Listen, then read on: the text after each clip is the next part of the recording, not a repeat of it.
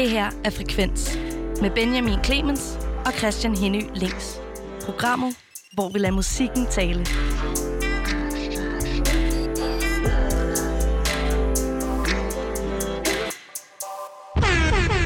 Frekvens! Jeg elsker det. Det var, fordi jeg havde øh, savnet at sende med dig, Christian. Jamen, det forstår jeg virkelig godt. Jeg har også øh, savnet at sende med dig. Det er lang tid og, siden. Ja, og nu er jeg bare glad for at være tilbage i studiet. Ja. Jeg står her i mine shorts og prøver at øh, forlænge sommeren. Hvordan går det med det, Christian? Jamen altså, det går fint, fordi så har jeg så en cashmere-trøje og en dynevest og en halsedisse på og handsker. Men det hjælper ikke så meget på benene, kan Nej, man men det er sige, fordi, jeg har dem, simpelthen der- så brune ben. Nå, ja, så det, Mit, det er noget øh, med at få det flashet, Ja, mens det stadig kan lade sig gøre. ikke? Okay. Jeg er on fire, hvis du forstod min pun op til titel. Nummer, vi startede udsendelsen med. Paradise on Fire, ikke? Jeg er et Jo. levende paradis, der er ild i. Det, det, det er nok det mest selvsikre udmelding, jeg har hørt i mit liv, det Den der. kom måske også lidt, altså... Ja, Jeg synes, det er godt. Ja, du synes, den kom? Ja.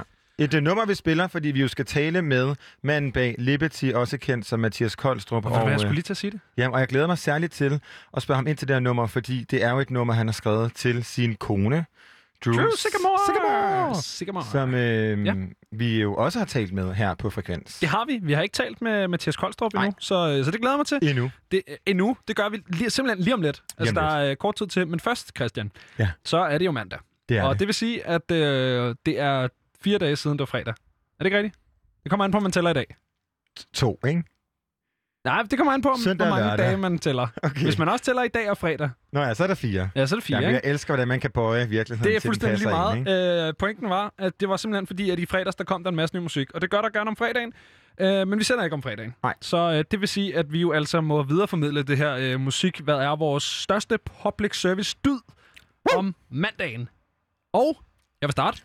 Og jeg har taget et, øh, et, lidt et wildcard i forhold til, hvad jeg ellers har med. Ah, måske ikke helt. Jamen, jeg er jo Øhm, så stolt af dig, må jeg bare sige. Ja, ej, prøv at, jeg kan skide godt lide Dua Lipa, øh, men det er ikke noget, jeg måske havde taget med ellers. Nej. Men øh, da jeg sad og kiggede igennem her tidligere i dag, der faldt jeg over en sang, som hed Levitating, og den kendte jeg jo godt. Men hvad jeg ikke kendte til, var den her øh, nye parentes, som jo stod ved siden af titlen, hvor i der stod featuring The Baby.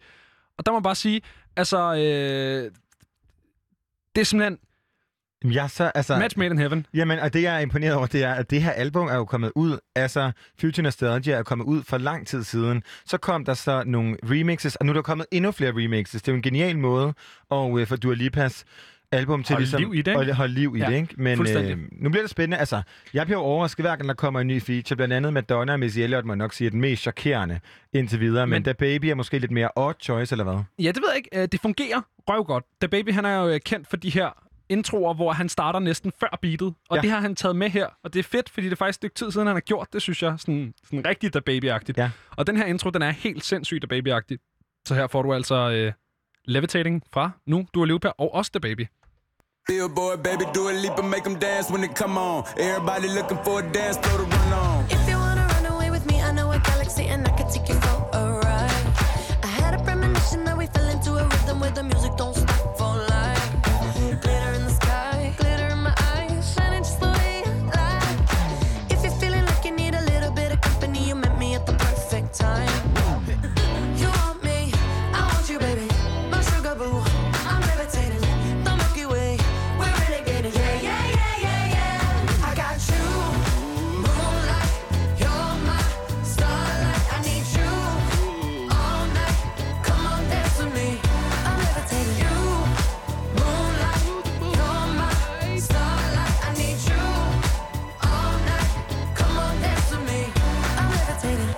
one of the greatest, ain't no debating on it. I'm still levitated, I'm heavily medicated. Ironic, I gave him love and they end up hating on me. She told me she loved me and she been waiting. Been fighting hard for your love and I'm running thin on my patience. Needing someone to hug, even took it back to the basics. You see what you got me out here doing? Might have threw me off, but can't nobody stop the movement. Uh-uh, let's go. Left foot, right foot, levitating. Pop stars, I had to lace my shoes for all the blessings I was chasing. If I ever slip, I fall into a better situation. So catch up, go put some cheese on it, get out and get your bread up. They always leave when you fall, but you run together. Weight of the world on my shoulders, I kept my head up. Now, baby, stand up. Cause, girl, you. You want me, I want you, baby.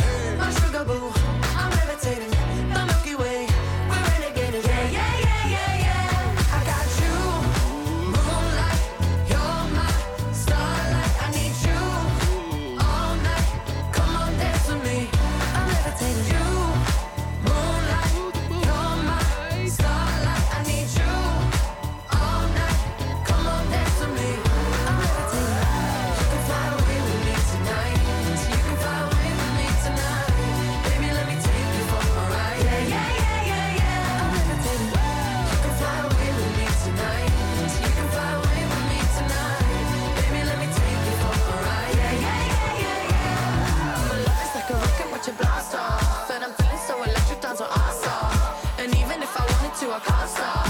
Yeah, yeah, yeah, yeah.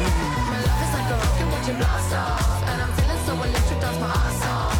And even if I wanted to, I can't stop. Yeah, yeah, yeah, yeah. You want me, I want you, baby. My sugar boo, I'm levitating. The Milky Way, we're renegading. I got you, moonlight. You're my starlight. I need you all night. Come on, dance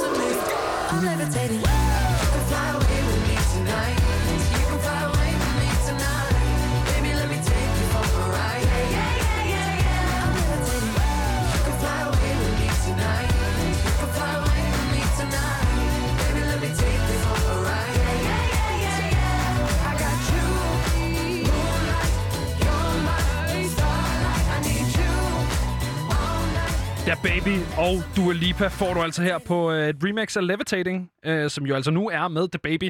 Og øh, jeg må bare sige, jeg synes, han, han fungerer skide godt på det her. Det der sådan, den der The Baby-intro, den er bare så skide dødelig. Altså, det er altså, så koldt. Jeg må bare sige, I'm levitating, hver gang jeg hører det. ikke? Det For, er, for at prøv leve en rigtig kolings. han, er, han er den varmeste. Hun er den varmeste. De er lidt på to forskellige scener.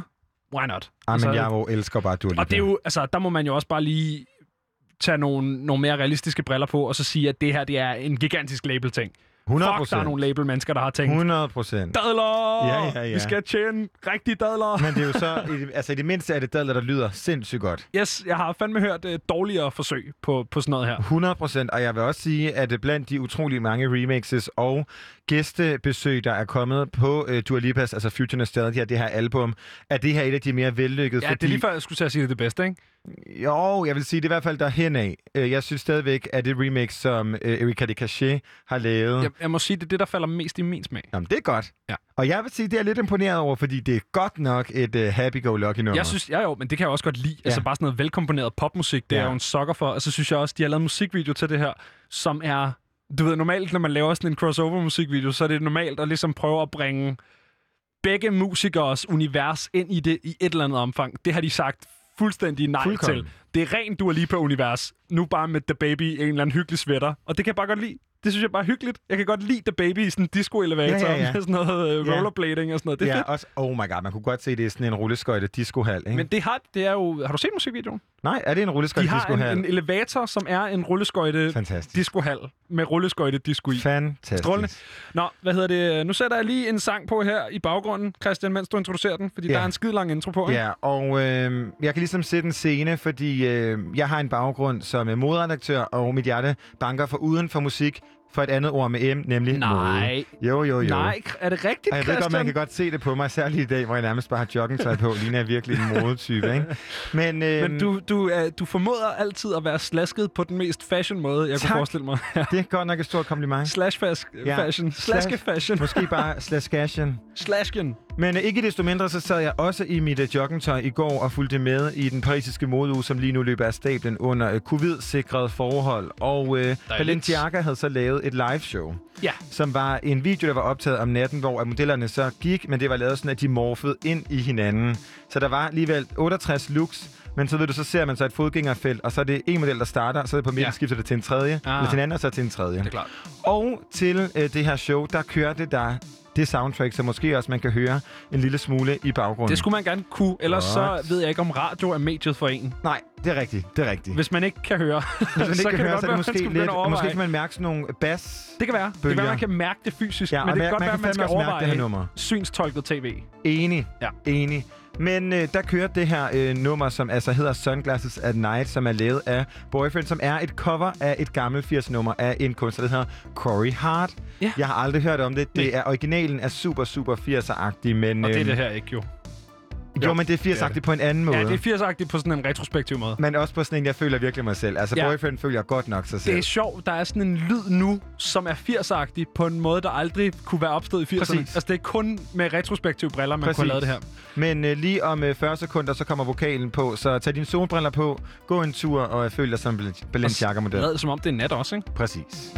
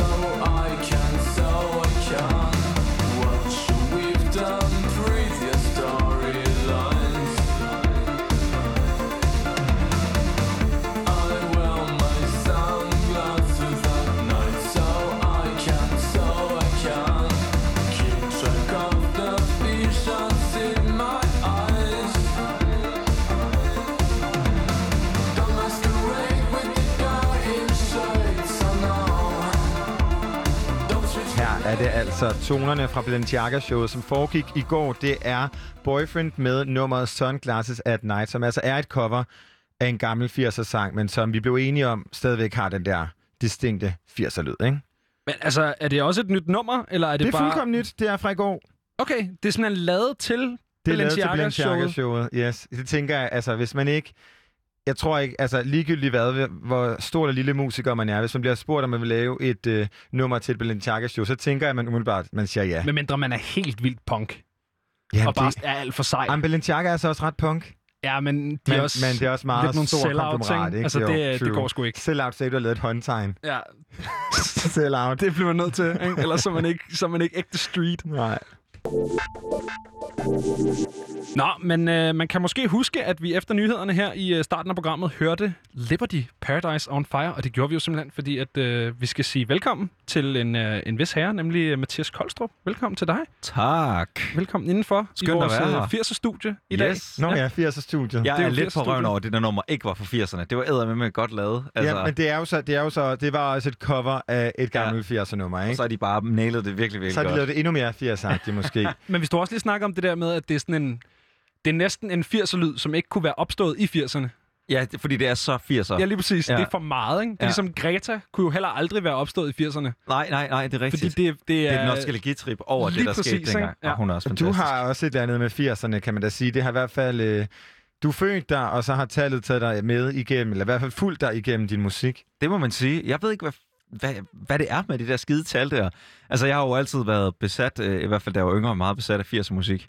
Øh, for det var ligesom min. Jeg ved, mine forældre, de hørte jo det 70'er og 60'er rock, og mine storebrødre var meget til sådan noget, øh, sådan noget indie 90'er, indie ting og sådan noget. Så 80'erne, det var ligesom, det der jeg kunne boldre mig. Det var sådan, og det tror jeg også typisk, når man er født øh, sådan slut 80'erne, som jeg er 88 for at være præcis. Jeg kan ikke huske 80'erne, men jeg har en eller anden nostalgitrip over ja. den tid. Ligesom, det, det tror jeg er meget normalt at have. Altså, Det er jo, altså, jeg er fra 98. Jeg kan ikke Præcis. huske 90'erne. Nej. Jeg har altså Game Boys og Ja. øh, du ved, Fresh Prince of Bel-Air og sådan noget. Og der, man kunne øh, smide dig en t- øh, tidsmaskine tilbage til 96. Ingen ville kunne se, om at du ikke hørte til øh, i det tøj, du har på lige nu. lige præcis. Så, så jeg kender godt det der med ligesom at kigge tilbage på et, øh, 100 på procent. et, på et årti, man ikke var en del af. Altså, Men du har jo kigget ret meget på 80'erne, både i uh, Dyné, som uh, mange kender dig fra, og så nu også i dit soloprojekt Liberty. Yeah. Og øh, hvis man måske ikke har stiftet bekendtskab, hvilket jeg næsten ikke kan tro med Liberty, kan du så ikke lige fortælle os, hvad det er for et øh, projekt, du har kastet dig ud i? Jamen, det er et projekt, der er begyndt øh, efter, at jeg, øh, eller efter at Dynek gik i opløsning tilbage i 2018, så øh, tænkte jeg, hvad fanden skal jeg nu? Jeg vidste godt, at jeg ville lave musik, men jeg vidste ikke lige præcis, hvad formen er, for jeg kunne egentlig meget godt lide at være forsanger i et band. Det var sådan, jeg så ikke mig selv som sådan en popstjerne, men øh, tiltrak mig også ret meget ligesom at øh, tage alle beslutningerne selv, uden at skulle øh, dele, dele øh, beslutningsprocessen med alt for mange mennesker. Øh, så, så jeg lavede ligesom bare the sweet deal imellem. Jeg lavede band med mig selv i. Øh, og, Sådan. og så er det ligesom, kunne jeg vælge, hvem jeg ville arbejde sammen med i studiet, og hvem jeg ville have med live, og så øh, var det ligesom, gik det hele op i en højere enhed. så det er jo ligesom det der med at tage Liberty, som jo er super meget et bandnavn. Ja. Men det er dig, der er den. Præcis. Og så alle de sessionmusikere, og du har lyst til at arbejde sammen med, og det er dit projekt. Og, Lige præcis. Ja. Og jeg synes, det var også fedt at have en udfordring. Det var på en eller anden måde fornemt at bare kalde det Mathias Koldstrup, og så tage ud med en akustisk guitar og skrive nogle dansksprogede sange. Ikke? Det havde været sådan den nemme løsning. Hvor øh, på den her måde, så er det sådan, det kommer have- til at tage lang tid, før folk fatter. Altså, Ja. tit når jeg møder folk på gaden, så er de sådan, hey, Dyné! De, altså, de ved ikke, hvad fanden jeg hedder i virkeligheden. Nej. De tror bare, hey, du hedder bare Dyné, ikke? Ja, så det det kommer havde til at tage lang tid for ligesom at lave den der kobling. Men Det havde da været hurtige penge derinde. Altså den der akustiske, øh, sådan lidt øh, barturné-agtige ting med Mathias Koldstrup. Jeg havde, Fra Dyné. jeg, allerede, Jeg kan næsten jeg se plakaten. ikke? allerede ramt en million nu. Ja, Og det har jeg fuldstændig. med Liberty. men hvorfor kalder du det Liberty og ikke bare øh, Skibonitten, som man jo hedder, når man er fra Skive? Ja, det synes jeg missed opportunity, kan jeg godt mærke nu. Jamen, jeg var jo, Skibonitten, jeg rullede jo ved, ja, Skibonitten. Og sådan, det, det Skibonet H-bitten. kunne også være noget. Det Skibonet sådan i udlandet. Ja, the skiver. At skive, det betyder jo at det pjekke på engelsk, ikke? To skive. Ja. Så det kunne jeg jo kunne jeg også bare kalde det, ski- Ja. the skiver.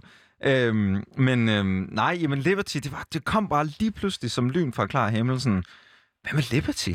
Altså sådan, Liberty, ej, det kan man sgu da ikke. Det var sgu da 100 bands, der hedder allerede. Giv en, fandme ikke nogen bands, der hedder det. Der var sådan en pigeband, der hed Liberty X, øh, som var ret nice, sådan R&B, meget noget andet. Og så var der sådan lidt nogle obskure, sådan noget russiske ting, Ja, ja, der ja. lå med under 1000 Der er streams på altid tre noget sange. russisk. Der er altid noget obskurt russisk på, på Spotify, som ser lidt mystisk ud, og man sådan lidt, ah, det, det tror jeg ikke er et rigtigt band, det der. og det var ligesom det, og jeg var sådan, fandme da utroligt. Ja. Så øh, jeg tænkte, den, var, den er sgu for god til at tage, og det er, navnet er på en eller anden måde, øhm, først var det bare sådan, det lyder sgu da fedt, der er sådan lidt The Libertines over det, eller et eller andet fedt, nice. Og så slog det mig sådan, nej, men der er jo også der er noget frihed i at træde ud af en gammel konstellation og starte forfra. Der er noget, øhm, hele ideen med det her projekt er også bare ikke at overtænke, men bare prøve at gå med mavefornemmelsen, og så, og så fyre den af, øh, og, øh, og udgive en hel masse musik, og fucking ikke tage noget for givet, men bare gå ud og have det for nice. Men hvad er det sværeste ved det her med, fordi man kan sige ved, at Dyne gik i opløsning, og øh, du har stadigvæk lyst til at lave musik, øhm, og vælger at lave det her soloprojekt, men hvad er det sværeste det der med sådan at nulstille sin karriere? Fordi Dyne var jo, og er jo stadigvæk, altså jeg hører det stadig, øhm, Tak. og er øh, bredt, altså sådan det der med, sådan Liberty skal jo kravle op ad den samme stige, som Dyne virkelig var kommet langt op på. Ja, altså jeg er jo på tur lige nu, ikke? Øh, og der kan jeg jo godt mærke, at jeg er jo på en tur, hvor der kommer flere mennesker, end der ville have kommet, hvis jeg var et fuldstændig nyt act, der, Ja. du ved, som random dude, der hedder Liberty. så er det jo klart, at jeg har en fanbase allerede at bygge det på, og det er jo et kæmpe privilegium. Men, men det er jo, men igen, hvis jeg havde kaldt det Mathias Koldstrup, var der jo kommet, nok kommet flere, fordi de, der er flere, der ved, hvad er, ikke? Ja. Øh, men det er jo også en del af det, jeg synes, der var den sjove udfordring med det her. Det var at tog virkeligheden presset af, og jeg har lavet, den, min første plade er jo sådan sådan indie-plade, hvor tingene rasler, og det er meget liveagtigt, meget sådan ikke særlig øh, nutid, eller du ved, det, det er ikke sådan noget, der ligger sig op af den sound, der er nu, eller ligger sig, selvfølgelig ikke i tango, men det ligger sig ikke fuldstændig op af, Tango? den, op ad Dyné, Wow. altså Dyné var lidt mere sådan maskinelt, sådan, yeah. pir, pir, pir, pir, hvor Liberty er lidt mere loose og lidt mere yeah. uh, for lov at larme. Så på den måde, så det var også det var en eller anden måde at tage alt presset af. Sige, jamen jeg laver bare, hvad fuck jeg har lyst til, og jeg laver bare, øh, jeg kalder det Liberty, fordi whatever, det gør jeg, det er fedt, genialt, lad os køre. Øhm, og øh, og det, var, det er også en måde at tage presset af på.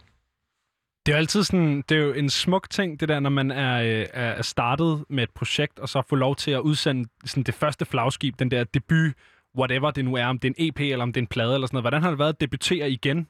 Altså sådan, det er jo... Det har været ret nice. Altså, det vil sige, det har været det er fedt at mærke den der følelse igen. Også fordi, igen, det er, det er noget nyt. Det er et nyt bandnavn og sådan noget. Så det har, jeg har virkelig været excited over det der med at skulle ud og bygge det op igen. Øh, altså, de sidste to Dyné-plader var meget... Vi, vi brugte tre og fire år på at lave dem, og det var virkelig en... Altså, vi måtte nærmest... Det, vi rykkede studie hver gang, fordi vi var bare kunne ikke holde ud og være i det der studie, efter at være færdige med dem. og, øh, og det var også, du ved, vi skulle lære mange ting og så videre, ikke? Øh, Øh, så, så, så vi har lidt kørt lidt død i hele den kreative proces. Det var altid pisse fedt at være at spille live, og vi, vi kunne godt lide hinanden, alt det der. Men vi var kørt fuldstændig død i den kreative proces. Så det var for mig sådan, jeg var bare sådan lykkelig ved tanken om, at fuck ja, altså, nu skal jeg bare starte forfra, og nu skal jeg stå foran 60 mennesker i Randers og spille den op fra slap igen. Men, Fordi var, det er noget af det sjoveste, faktisk. men tror du, du havde været lykkelig? Altså, man kan sige, du har jo, det er jo, i bagagen har du også de kæmpe store koncerter. Så er det, er det sådan savnet om det der intime ved ligesom at møde en helt ny fanbase, som det selvfølgelig aldrig kan være, når man stadigvæk er dig. Men det der med sådan at gå ud og så bare møde 60 mennesker i Randers, eller hvad? Altså, hvad var det præcis ved det, som var sådan det spændende ved bare at træde ud i noget helt nyt? Jamen det var jo, øh, altså jeg tror, for det første, så, så kan jeg jo synes, det er spændende, fordi jeg har jo allerede prøvet at stå på store scener Ja. i hele verden, så der er ikke, der er ikke det der sådan, åh, gid jeg bare havde prøvet at stå på Roskilde og spille, eller stå ind i Tivoli, eller spille turné i udlandet. Jeg har prøvet alt det der. Så derfor er det er, ironisk nok jo næsten endnu mere exciting at, ja. at prøve at starte forfra, fordi der er noget, der er bare noget helt vildt interessant ved at bygge noget op. Øh, Men skal Liberty så noget andet? Altså, er det meningen, at du gerne vil have, Liberty skal ende som solo-navn på Royal Arena, eller er det meningen, at det skal være mere sådan en øh, en-til-en oplevelse med Mathias Koldstrup? Det skal 100% inde på Royal Arena. Okay. Selvfølgelig. Det er, det er skabt til... Det kan jeg godt mærke nu, hvor vi er ude og spille de tre første koncerter. Øh, kan jeg godt mærke det der med, at når jeg lukker øjnene, så vil det her så passe rigtig, rigtig godt på, på en kæmpe stor scene. Ikke? Men samtidig så har det også et gear, der var lidt anderledes end Dyné, som er meget mere intimt, og som faktisk passer utrolig godt til den meget mere sådan intime oplevelse. Det er jo det, vi oplever lige nu med folk, der sidder ned til koncerterne. Ikke? Mm. Så indlagt nogle steder, hvor, hvor det får lov at blive lidt mere inderligt. Og det, øh, og, det- og det, det er et helt andet gear, end Dyné nogensinde havde. Og op til debuten af øh, Liberty, der udtalte du, at du havde en trang til at gå i studiet og lave noget, som jeg bare synes var fucking fedt. Ja. Og øh, det, altså, nu bliver det selvfølgelig meget sat på spidsen, men var Dyné ikke fucking fedt? Lød det ligesom som alt andet, der var derude, eller hvad? Dyné var fucking fedt. Men øh, Enig. det var, øh, at, at det er det jo stadigvæk. Det ligger der jo stadig, kan man sige. Men ja, det var faktisk mere en henvisning til den proces, jeg havde haft, op til, hvor jeg troede i starten var jeg sådan, Nå, men jeg bliver jo nødt til at gå ud og lave et eller andet pop-hit, og, sådan, og ligesom skulle fuldstændig øh, slippe mig selv fri, give mig selv friheden, om man vil, til øh, øh, at slippe den her tanke, og så bare gå i studiet og lave det, jeg havde lyst til, uden at skæve for meget til, at det skulle være det syge hit, eller øh, et eller andet. Det skulle bare, whatever der lige kom ud, ikke? Men det kæder også meget godt tilbage til, at du sagde før, det der med, at du har ligesom prøvet alle de, de der sådan klassiske landmarks, ikke? du ved, Roskilde Festival, alle de der ting, som ja. Man som, som opstartede, nyopstartede musiker i Danmark meget sådan, "Nå, men hvis vi bare kan få lov til at stå på fucking pavillon en eller anden dag, så, Ja. altså, du ved, så de der, det der pres er der måske ikke, altså du er måske ikke lige så travlt, eller hvad? Nej, præcis. Altså, jeg, jeg synes egentlig, jeg har meget god tid. Men det der tango-album, eller hvad det Ah. lød, som var langt væk fra Dyné, hvor er det endt henne? Jamen, det er, når det bliver til Liberté. Så øh, det er lige præcis på min 50-års fødselsdag, som er... Øh, det kan jeg så overhovedet ikke lige regne ud nu, men... men øh, t- otte- 18 år. 38. øh, 18 år, ikke? 2038. Ja. ja. Øh, og der, der, der slipper jeg tango-albummet. Sådan. Mathias Koldstrip en Liberté. Koldstrup. Og så er, det, så er det, du skal på den der barturné, med, Ja, ja. Som, som Mathias Koldstrup Liberty. ja, præcis. Så tager du den gode der. Hvad hedder det? Det her øh, debutalbum fra Liberty, som hedder Haven't Felt This Great Since 1988, er altså Ja. indspillet, mixet og mastereret på en uge. Ja. Øh, det er lidt en kontrast til, hvad du snakker om med Dyné, hvor I Ja. brugte flere år og sådan noget. Altså, hvordan Ja. fanden har I øh, båret ad med det? Ja, men det er også fuldstændig vanvittigt. Altså, som sagt, jeg havde skrevet øh, de fleste sange op til, at vi gik i studiet der, og havde været igennem alle mulige processer med alle mulige producer. Og så, øh, så snakker jeg så med nogle producer, som hedder Frederik og Fridolin Nordsø, som er veteraner, kan man godt sige. De har produceret alle mulige ting. Blandt andet Christoffer har de produceret. Min kære hustru Drews ting øh, er de også producer på. Det er rigtig og meget, hvis man går rundt og, og kigger, og, så er det meget af de der Nordsøbrødre der, man finder, ikke? generelt bare, jamen, de har lavet sindssygt mange ting, øh, og er fuldstændig geniale, og skrubskøre, og de er fantastiske. De to tvillinger, de ligner også hinanden utrolig meget, og er sjovt nok, og, øh, og kan spille på alt, og de er så vilde, og de var bare sådan, ja, jamen, så går vi bare i studiet, og så laver vi det hele på en uge. Og sådan, hvad, hvad snakker I om? Det kan man sgu da ikke. Jo, jo, det gør vi bare. Hvad? hvad? Jamen, skal vi ikke lige mødes først, lige at lave noget? Nej, nej, nej. Det spiller kører. tid. Vi kører bare. Og så jeg tog et, altså, jeg virkelig kastede mig bare, lagde mig fuldstændig i deres nåde, ikke? og øh, kastede mig ud i det. Øhm, og havde jo så heldigvis sange, men vi, vi simpelthen hele lortet, inklusiv to af sangene, blev skrevet øh, også på den uge der. Jamen, og øh, nu beviste jeg lige, hvor gode vi var til matematik, før med at regne ud, hvornår din 50-års fødselsdag var. der er otte sange, der er syv dage på en uge, og to, Ja. af, dem er, to af de otte sange er så skrevet, altså... Ja. Altså, jeg havde 15 i forvejen, ikke? hvor vi så indspillede seks af dem, og skrev to nye. Sådan. Øh, men vi, vi arbejdede også dag og nat. Altså, vi var færdige øh, sådan fredag morgen klokken 9.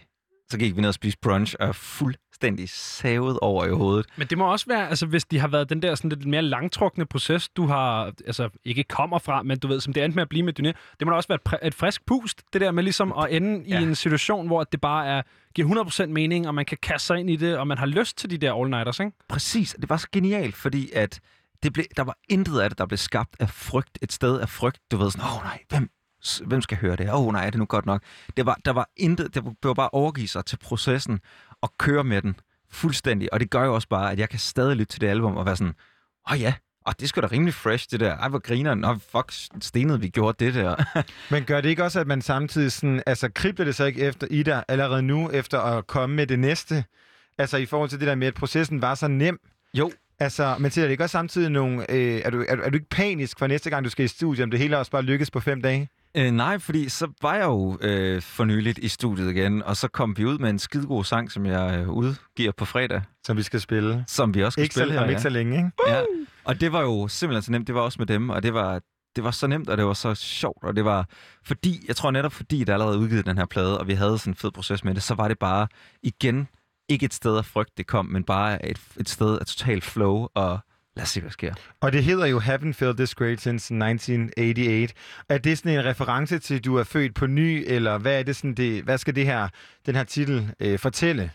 Øh, det var faktisk en sindssygt god øh, måde at sige det på. Øh, Tak. det, som, det er, den er nogle forskellige ting, den til. Øh, blandt andet øh, født igen. Øh, og, øh, men det er også en reminder til mig selv, for det er faktisk ret ironisk ment, det der Haven't Felt This Great Since 1988. Øh, fordi at den her plade og, og temaerne på den kommer fra en, øh, et tidspunkt i mit liv, hvor, hvor tingene ramlede lidt sammen, som Paradise on Fire, som vi, vi også har hørt, handler også om den periode, hvor jeg, jeg havde en kæreste, som jeg gik fra, fordi jeg mødte en anden, og det var noget mega råd, og det var, det var som vi siger, skiftet hest i vadestedet, som vi siger i Jylland. Yes. Og, øhm, og hvad hedder det? Og jeg, bandet var ved at gå i opløsning, og jeg havde sindssygt mange problemer med min stemme. Jeg kunne ikke synge, ligesom jeg kunne før, fordi jeg, jeg, den, jeg kunne faktisk i periode slet ikke synge. Og, øh, og, og, og, men samtidig alt det her skete, hver gang jeg lavede et interview, eller vi lavede med Dyné, så var det altså bare sådan, ja, det ser alt er fedt, mand. Vi er bare bedste venner, og det kører, og det bare kæft, alt er fedt, og sådan noget. Og det var det bare ikke. Jamen, fordi at jeg har været i gang med det her, siden jeg var 15 år gammel, og bare kørt i sådan en mølle af videre, videre, videre, videre, videre.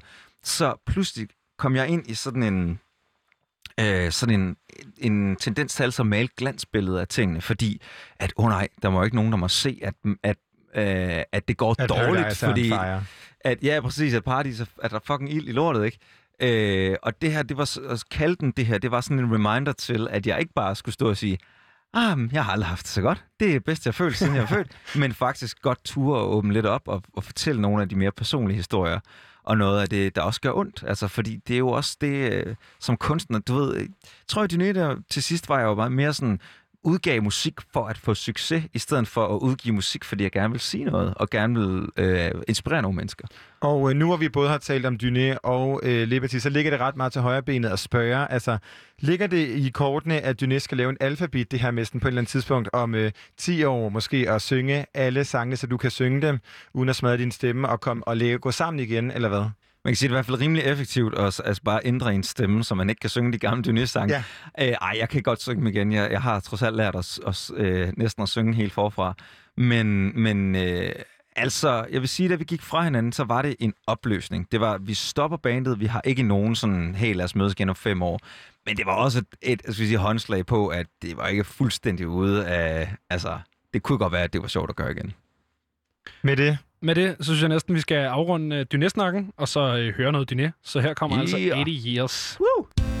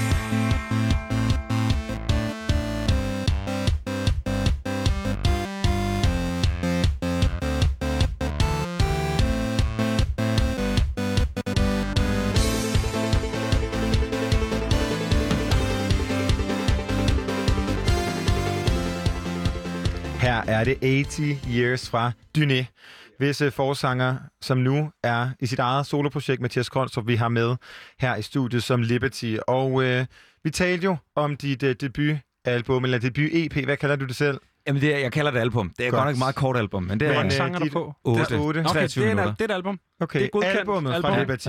Og øh, det her album, du har kommet lidt ind på det i forhold til, hvad det sådan er lavet til. Men det er jo ikke lavet til Spotify-playlister. Nej, det er det ikke. Hvad er det lavet til? Det er lavet til at spille live, først og fremmest overalt. Øh, at spille live overalt, men over alt andet er det lavet til at blive spillet live. Yes. Og øh, det er jo selvfølgelig en lidt streg regning, at alle mine live-koncerter så blev aflyst, kan man sige, fordi hele ideen var at udgive den her, og så bare ud og bygge den op live. Yeah! Yeah, mega fedt. Alt, Ja. præcis. Og så blev alt, og så blev alt aflyst, mand. Fucking Ja. samme uge, Ja. som jeg udgav min debut single Closure, ironisk nok, Liberty, Closure, alt lukker ned, Ja. ikke særlig meget Liberty. Du skulle have lavet en anden sang.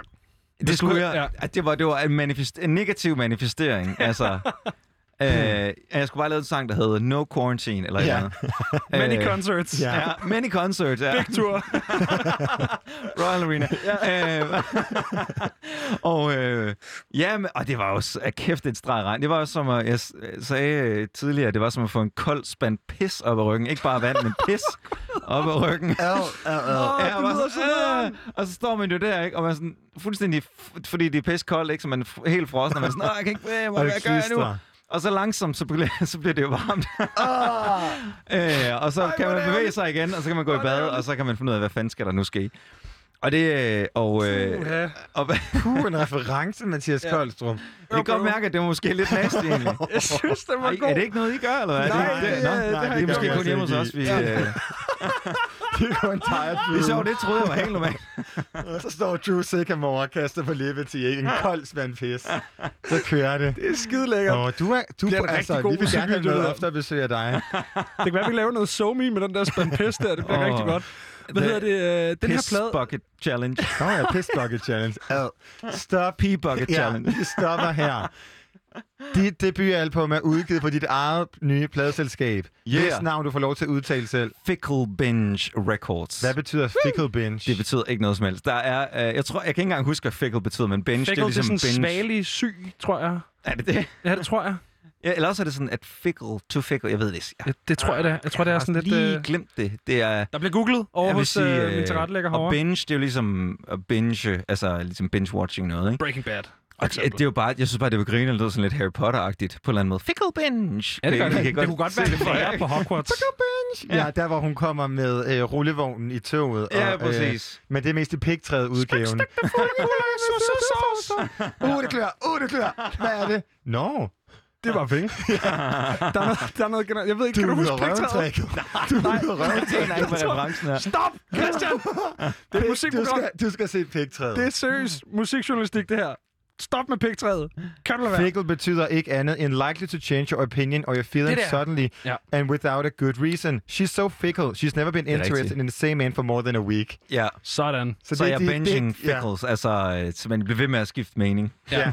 Så du bliver ved med at skifte serie, du binger, så når du aldrig er færdig Ja. med noget. Altså, hvordan- vil sige, man skal ikke lægge alt for meget betydning i navnet. men det lyder sejt. Det lyder, lyder sejt. ret. Og det Men er ret fedt, hvorfor? vi har fået lavet sådan lidt sådan street-agtig, øh, hvad hedder det, øh, logo til det, som er ret fedt også. Ja.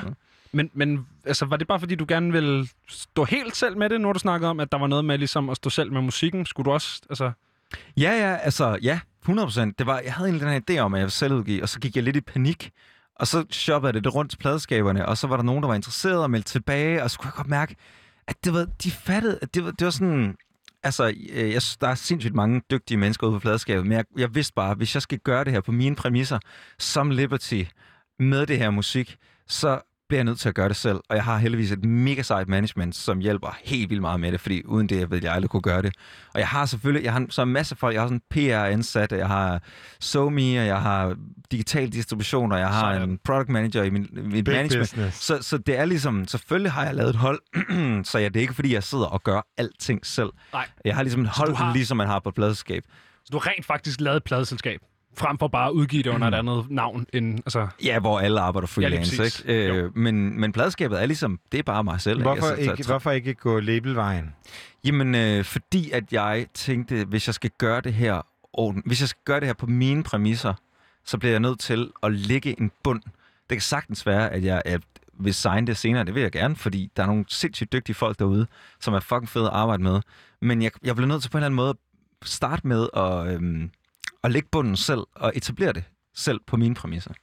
Og øh, det er jo på det album, der hedder Haven't Felt This Great Since 1998. Og et af de numre, apropos fede mennesker, det er jo Paradise on Fire. Ja, Som jo øh, måske lidt er skrevet til omkring på grund af din kære kone. Ja. Og det har hun jo, altså jeg vil sige, det er ikke mig, der står og fortæller en hemmelighed nu. Hun har fortalt os det her Ja. på frekvens også. Og hun fortalte også, hun har skrevet et nummer til dig, som ikke er udgivet endnu, som øh, hun spiller ofte live. Men øh, lidt efter det. Det er lige ud, det er udkommet fredags. Er det udkommet fredags? Crying Wolf. Sådan. Hun udgav to singler i fredags. Uh, Wanna Be Dancing, som er Yes. fucking fabulous ja. nummer. Og så Crying Wolf, som er fantastisk, som hun har spillet meget live. Og Så som, nu er, jeres, nu er jeres kærlighedserklæringer ude offentligt Ja. tilgængelige. Og øh, vi bliver nødt til lige at grave lidt i, øh, i det der med at være to musikere i et hjem. Fordi ja. hvem, hvem bestemmer musikken derhjemme? Øh, godt spørgsmål. Den er faktisk delt ret meget ned på, øh, på 50-50, tror jeg. Er der noget, hun elsker, som du hader og omvendt? altså, øh, nu er jeg jo et meget åbent menneske, og øh, jeg har ikke altid været sin- sindssygt begejstret for sådan R&B med sindssygt mange fraseringer. Jeg kan ligesom godt lide, når folk bare synger melodien. Mm, men det kan hun rigtig godt lide, og det har hun øvet sig rigtig meget på. Et sindssygt godt eksempel er, hvad hedder det, um, U2 med One, hvor de har genindspillet med Jerry Blige, Jerry Blige hvor jeg i mange år bare har været sådan, så sluk dog for hende, og lad os høre sangen, i stedet for, at der er en eller anden, der skal sportsfrasere hele over det her nummer. Men nu har vi så hørt det et par gange, og der må jeg bare sige, øh, hold kæft, hvor synger hun vildt. Og det har Drew ligesom lidt fået mine øh, øjne åbne for, at, at, at min, min, min øh, hvad hedder det, jeans ikke behøver at være så sorte og stramme hele tiden. Og så, de er lidt det- løsere. alt behøver ikke at være så mega white og indie-agtigt. Men det er også, altså, jeg kunne, nu, når man hører jeres begge tos musik, så kunne man godt forestille sig, at I i et eller andet omfang var rimelig forenlige i forhold til musiksmag. Og det, det må man sige, det er vi. Altså, hun kommer jo fra sådan, hun kommer jo fra sådan noget deep indie elektronisk musik. Altså, hun, hun havde den sejeste sådan undergrunds elektroniske duo i England, øh, da hun boede derovre i fem år, som spillede på BBC øh, øh, 6 og One, 6 and One. Og, altså, Drew Hill hedder det. det. Man kan stadig finde på øh, altså, sådan noget elektronisk musik. Sindssygt indie. sejt. Mega sejt. Ja. Og det er jo faktisk der, hun kommer fra. Så det der med at lave yberpopmusik nu, det er faktisk for hende noget relativt nyt. Altså, hun har selvfølgelig lyttet til det, da hun var yngre, ikke? men, men det er noget relativt nyt for hende at gøre. Men I er gode til at øh, plukke hinanden i radioen, vil jeg sige. Det skal I, I skal have. Og, men er der en lille konkurrence i? Altså konkurrerer man om, hvem der ligger øh, nummer et? Hun har jo ligget... Øh, Nej, hun, hun nu? vinder den rimelig hårdt for tiden, vil jeg sige. du kan godt være i det. Ja, helt vildt. Altså, som sagt, det er jo, det er jo dejligt rart, når man har prøvet det hele, siden man var 17 år gammel. Så Ikke? hver, så hver gang hun, hun har en eller anden milestone, hun ligesom når Så er det til, så er der bare sådan, ja, det er fint, det gjorde jeg, da jeg var 16. Kom så. tilbage, når du har turneret sikkert, Japan. ikke? Ej, øh, ej, jeg, irriterende. jeg er sygt stolt af hende, og hun er jo psykoboss. Altså, det er jo sådan, at hun hjælper mig med at skrive mine sange. Ikke omvendt overhovedet, for det har hun slet ikke brug for, fordi hun er en sindssyg sangskriver. Og det er der, der er rigtig mange, der spørger hende, Nå, skriv Mathias så dine sange for, for dig? Er det fordi, der er sådan en underlig... Ja, ja. Øh, måske også bare... Jeg ved ikke, om det kun er øh, kønstingen, men, men det er også måske, fordi jeg har været i gang så længe, ikke? Men hun er jo en vanvittig dygtig sangskriver. Hun er skriver sindssygt godt, så det nyder jeg rigtig godt af. Dejligt. Apropos øh, den gang, du var 16-17 år, så skal vi jo faktisk til at premiere et nummer, som hedder Turn Back Time. Turning back time. Turning Back Time. øh, det er fordi, at der står noget forkert på mit papir her, men vi snakker lige om det, det er rigtigt. Øh, hvad er det for et nummer, lige inden vi spiller det? Jamen, det er et nummer, vi øh, gik i studiet tilbage i september og lavede det, og, så, øh, og det kom bare ud, og det blev så godt, at vi tænkte, lad os da bare udgive det så hurtigt, vi overhovedet kan komme afsted med. Og det er så på fredag. Øh, og det er, det Så hvor nummer, hurtigt har den proces været? Fra start til slut? jamen, altså, det blev skrevet færdigt på en dag, og så blev det færdiggjort dagen efter, ikke? Øhm, så øh, Effektivt. ja, helt vildt. Og så var der små rettelser efter det her. Det skulle lige mastreres og sådan noget. Så det var ikke, det var ikke lige så hurtigt som den første. Men, og det er, øh, det, er, det er et nummer, som jeg forestiller mig lidt, man kører hjem øh, fra arbejde, ikke? og så tæller man for sin radio. Og så kommer det her nummer, blaster det her nummer bare ud, og så kan man køre ned af E45, eller hvor det er, man kører, alene Sådan. i sin bil, og så få det her skud galaktisk energi ned i sin åre, ny energi til kroppen, så man kan komme hjem og være den mest awesome version af sig selv. Og så kan, man, så kan vi, altså jeg og den, der kører bilen, ligesom køre rundt der og have en fest sammen. Det er simpelthen fantastisk. Jeg glæder mig til at høre det. Øh, og det er ikke en Cher-reference, tror jeg godt, vi kan. fordi kan vi godt blive enige om. Ja, det kan vi godt blive enige om. Hvad hedder det? Tusind tak, fordi du kom. Og, Det var en øh, stor vi må fornøjelse. snakke med dig, Mathias. Koldstrup. Kanon. Liberty, det var, øh, det var smukt. Her får vi altså Liberty Turning Back Time.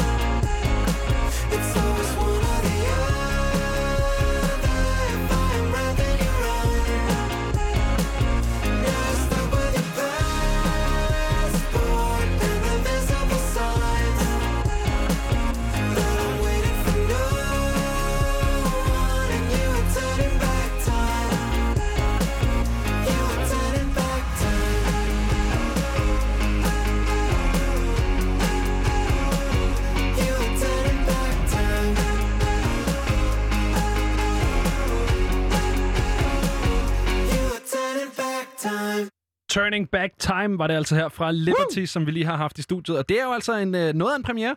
Normalt, når vi premierer numre, så er det sådan noget, at vi må gerne spille den torsdag aften, eller sådan noget, hvor den jo alligevel fucking næsten er udkommet. Ja. Øhm, det kan man ikke se her, fordi den kommer altså først på fredag. Så øh, hvis du synes, den lød fedt, så må du altså vente. Det må du. Eller ind og høre podcasten igen, og så køre på repeat det ja, stykke. lige præcis. Så kan vi også få nogle Ja. lessons. Det bliver Ja, rigtig tak. godt. Yes, lessons til alle. Både til Mathias Koldstrup og til øh, Frekvens. Prøv at, det er som sagt Frekvens, og øh, klokken den er lige ved at være 19, så det betyder, at det er tid til nogle nyheder lige snart. Men bliv endelig hængende, fordi at øh, vi har fået fornemt besøg af en, øh, en, vis, en vis dame. Endnu en MA'er. Ja, så øh, det kan jeg glæde jer til. Klokken den er 19.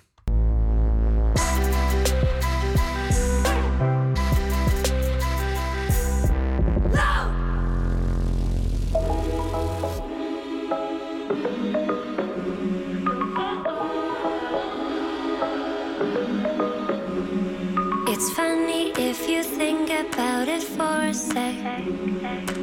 Standing in her kitchen, we were such a mess. Leaning in for a kiss, nothing new, hit or miss. I don't wanna think about it for a sec. I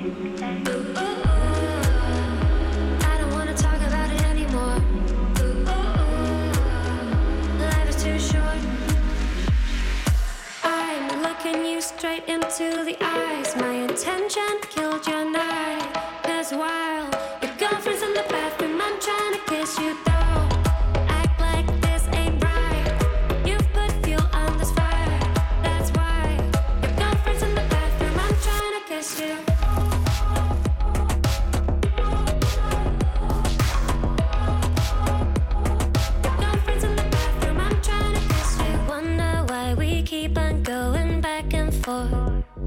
This tension has peeled the scab of the before.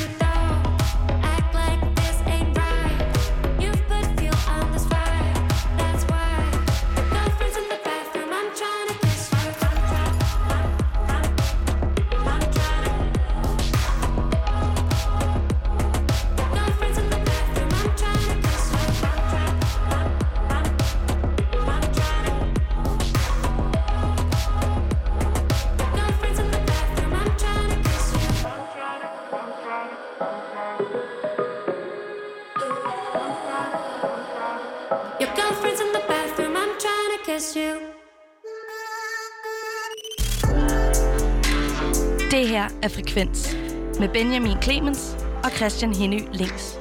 Programmet, hvor vi lader musikken tale.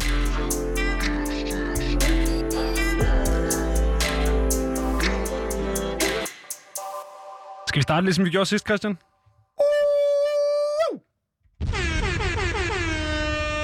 Altså, DJ jeg Horn! prøver at overveje, hvor fedt det kunne være at have airhorn som øh, væg, altså vækkeur. Så nederen, tror jeg. Tror du? Maksimalt Men jeg er jo sådan skåret. typen, der har den der... Da, da, da, da, da, når du har ikke iPhone. Jeg har ikke iPhone, jeg har en Motorola. Tror du, vores gæst har iPhone? Det ved jeg ikke, Max. Har du iPhone? Jeg har iPhone. Kender du godt den der klaver, vække, to, vække, øh, da, da, da, da, da. Ja, men den har jeg ikke. Jeg kan Det er det. forfærdeligt. 12 bars blues spillet alt for entusiastisk. Men jeg elsker også Kalimba. Stop derovre. Så kommer man også op, fordi det er så forfærdeligt. Man skal bare skynde sig at stoppe det. Ej, men det er jo bare, fordi jeg er så glad, for det er jo gået lidt over to uger siden, vi sidst talte med dig. Og der vil jeg også sige, der føler jeg, at vi måske lige kom lidt for hurtigt over det faktum, at vi har Max i studiet. Ja, så ja. Øh, velkommen til os, Ja, by mange the way. tak. Øh, tak. Oven i, at vi har konstateret, at du har iPhone. Men ja, Mhm. det er jo ikke... Øh, det er kun lige lidt over to uger siden. Jamen, der, jeg kan ikke gå så lang tid. Kan du ikke, kan du ikke få studie inde i studie 3? Så bare er her sådan lidt hele tiden. hele tiden. Det er så hyggeligt. Det er så hyggeligt. Ja. I ringer bare, jeg tager den hver gang. Jamen, det er godt. Øh, Sidst vi talte, der var det jo fordi, at dit album var kommet ud. Ja. Max Ja. af Max. Mm. Har premierefeberen lagt sig, eller hvordan har du haft det?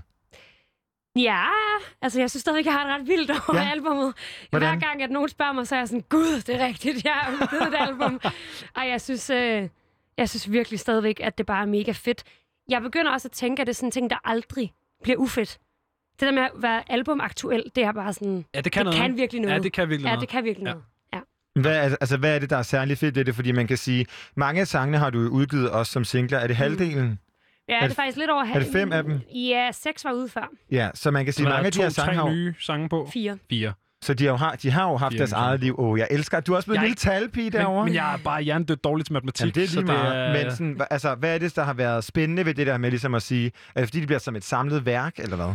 Det er blandt andet, fordi det bliver samlet værk, og så synes jeg også, som vi snakkede en lille smule om sidst, det der med at være udgivende artist i 2020 og få lov til at lave 10 sange på et album, er ikke... Øhm, det er bare sådan, det er ikke alle, der får lov til det, så jeg føler mig enormt privilegeret i at ligesom have fået muligheden for at gøre det.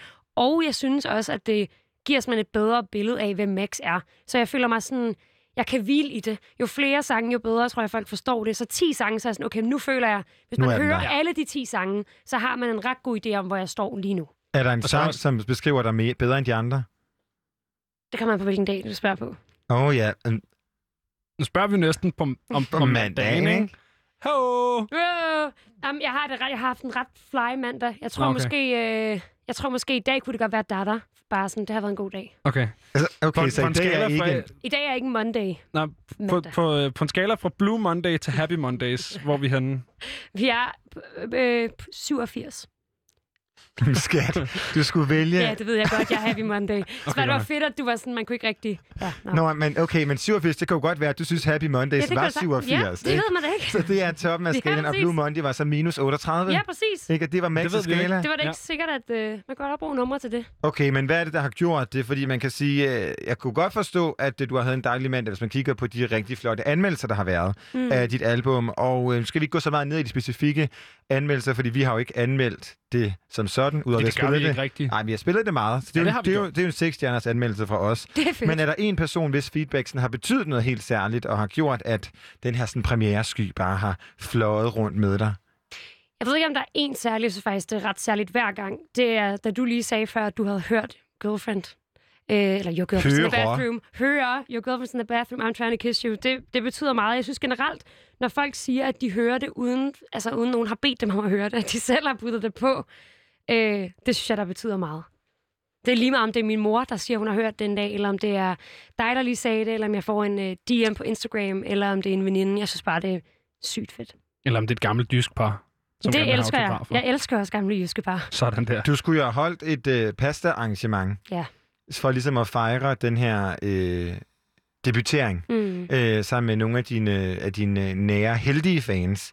Har du øh, overvejet at holde sådan en Instagram live, hvor du så spiser pasta, og folk kunne spise deres egen pasta? Spørger du, fordi du vil se med? Altså, nej, fordi jeg gerne vil være medvært på den, tænker jeg eventuelt. Okay, det er et helt nyt koncept. Ja. Jamen, det synes jeg godt, vi kan Jeg kan snakke om lave efter det her. Er Nej, men du kan, jo- vi kan, alle kan jo ligesom blive øh, inviteret til at være med på liven. Så alle har lavet deres egen pasta? Ja. Det kan jeg godt lide. Okay. Okay? Det kan jeg noget. kan ja, godt det den kan dag. lidt. Okay, det kan Ja. lidt, synes jeg. Lavede vi, nogen, vi lavede et gang et fucking segment om at ælte pasta herinde. Yes. Ja. Nej, men det var, det var en sang, som var god at en pasta pasta til. dej skal jo ældes mm. i Mm. minimum 9 minutter, så derfor så hvis man sætter Leonard Skinners Freebird på, og så bare ælder sin Okay, pasta dej ind så til ved den. man, at... den er Ved du, færdig. hvem Lennart Skinnes er? Jeg gør ikke. Nej. Nej. Men jeg kan bare ud fra med den instruktion, du gav mig, at det tager 9 minutter, den sang. Lige præcis. Ja. Ja. Øh, det tager nemlig 9 Got minutter at høre den sang. Så øh, det var skide skarpt.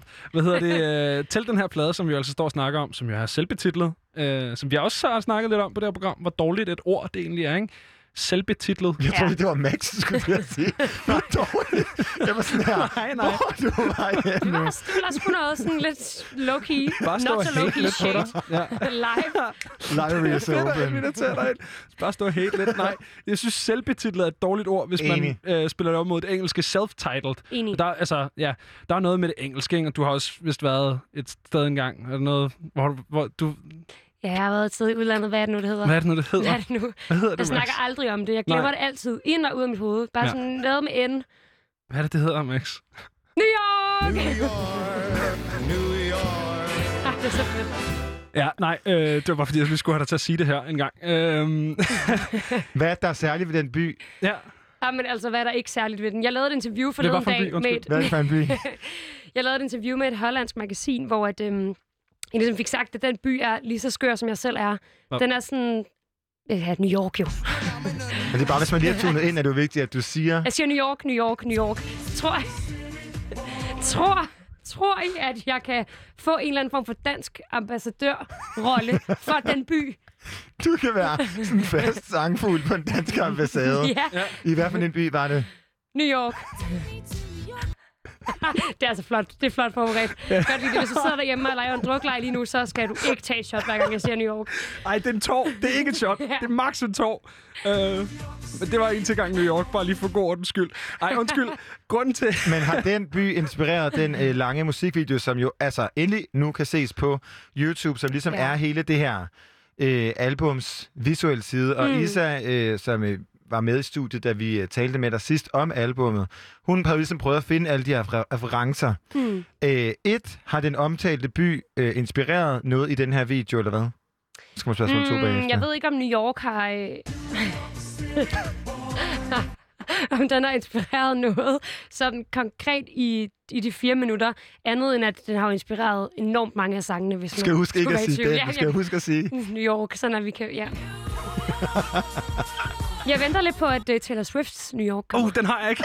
Ej, Der dårligt. kan vi så til næste gang, om, Ja. ja. om to uger, når jeg er Yes. her igen, senest. Så kan vi jo tage Så den er der. det Ja. Ja, okay. Men er der nogen fans, som har fundet alle de der referencer? Ja, der er mange fans, der har fået en- alle referencer. Så Isa Naya, som er vært på et musikprogram på Radio hun var en dårlig. Hun gjorde det rigtig godt.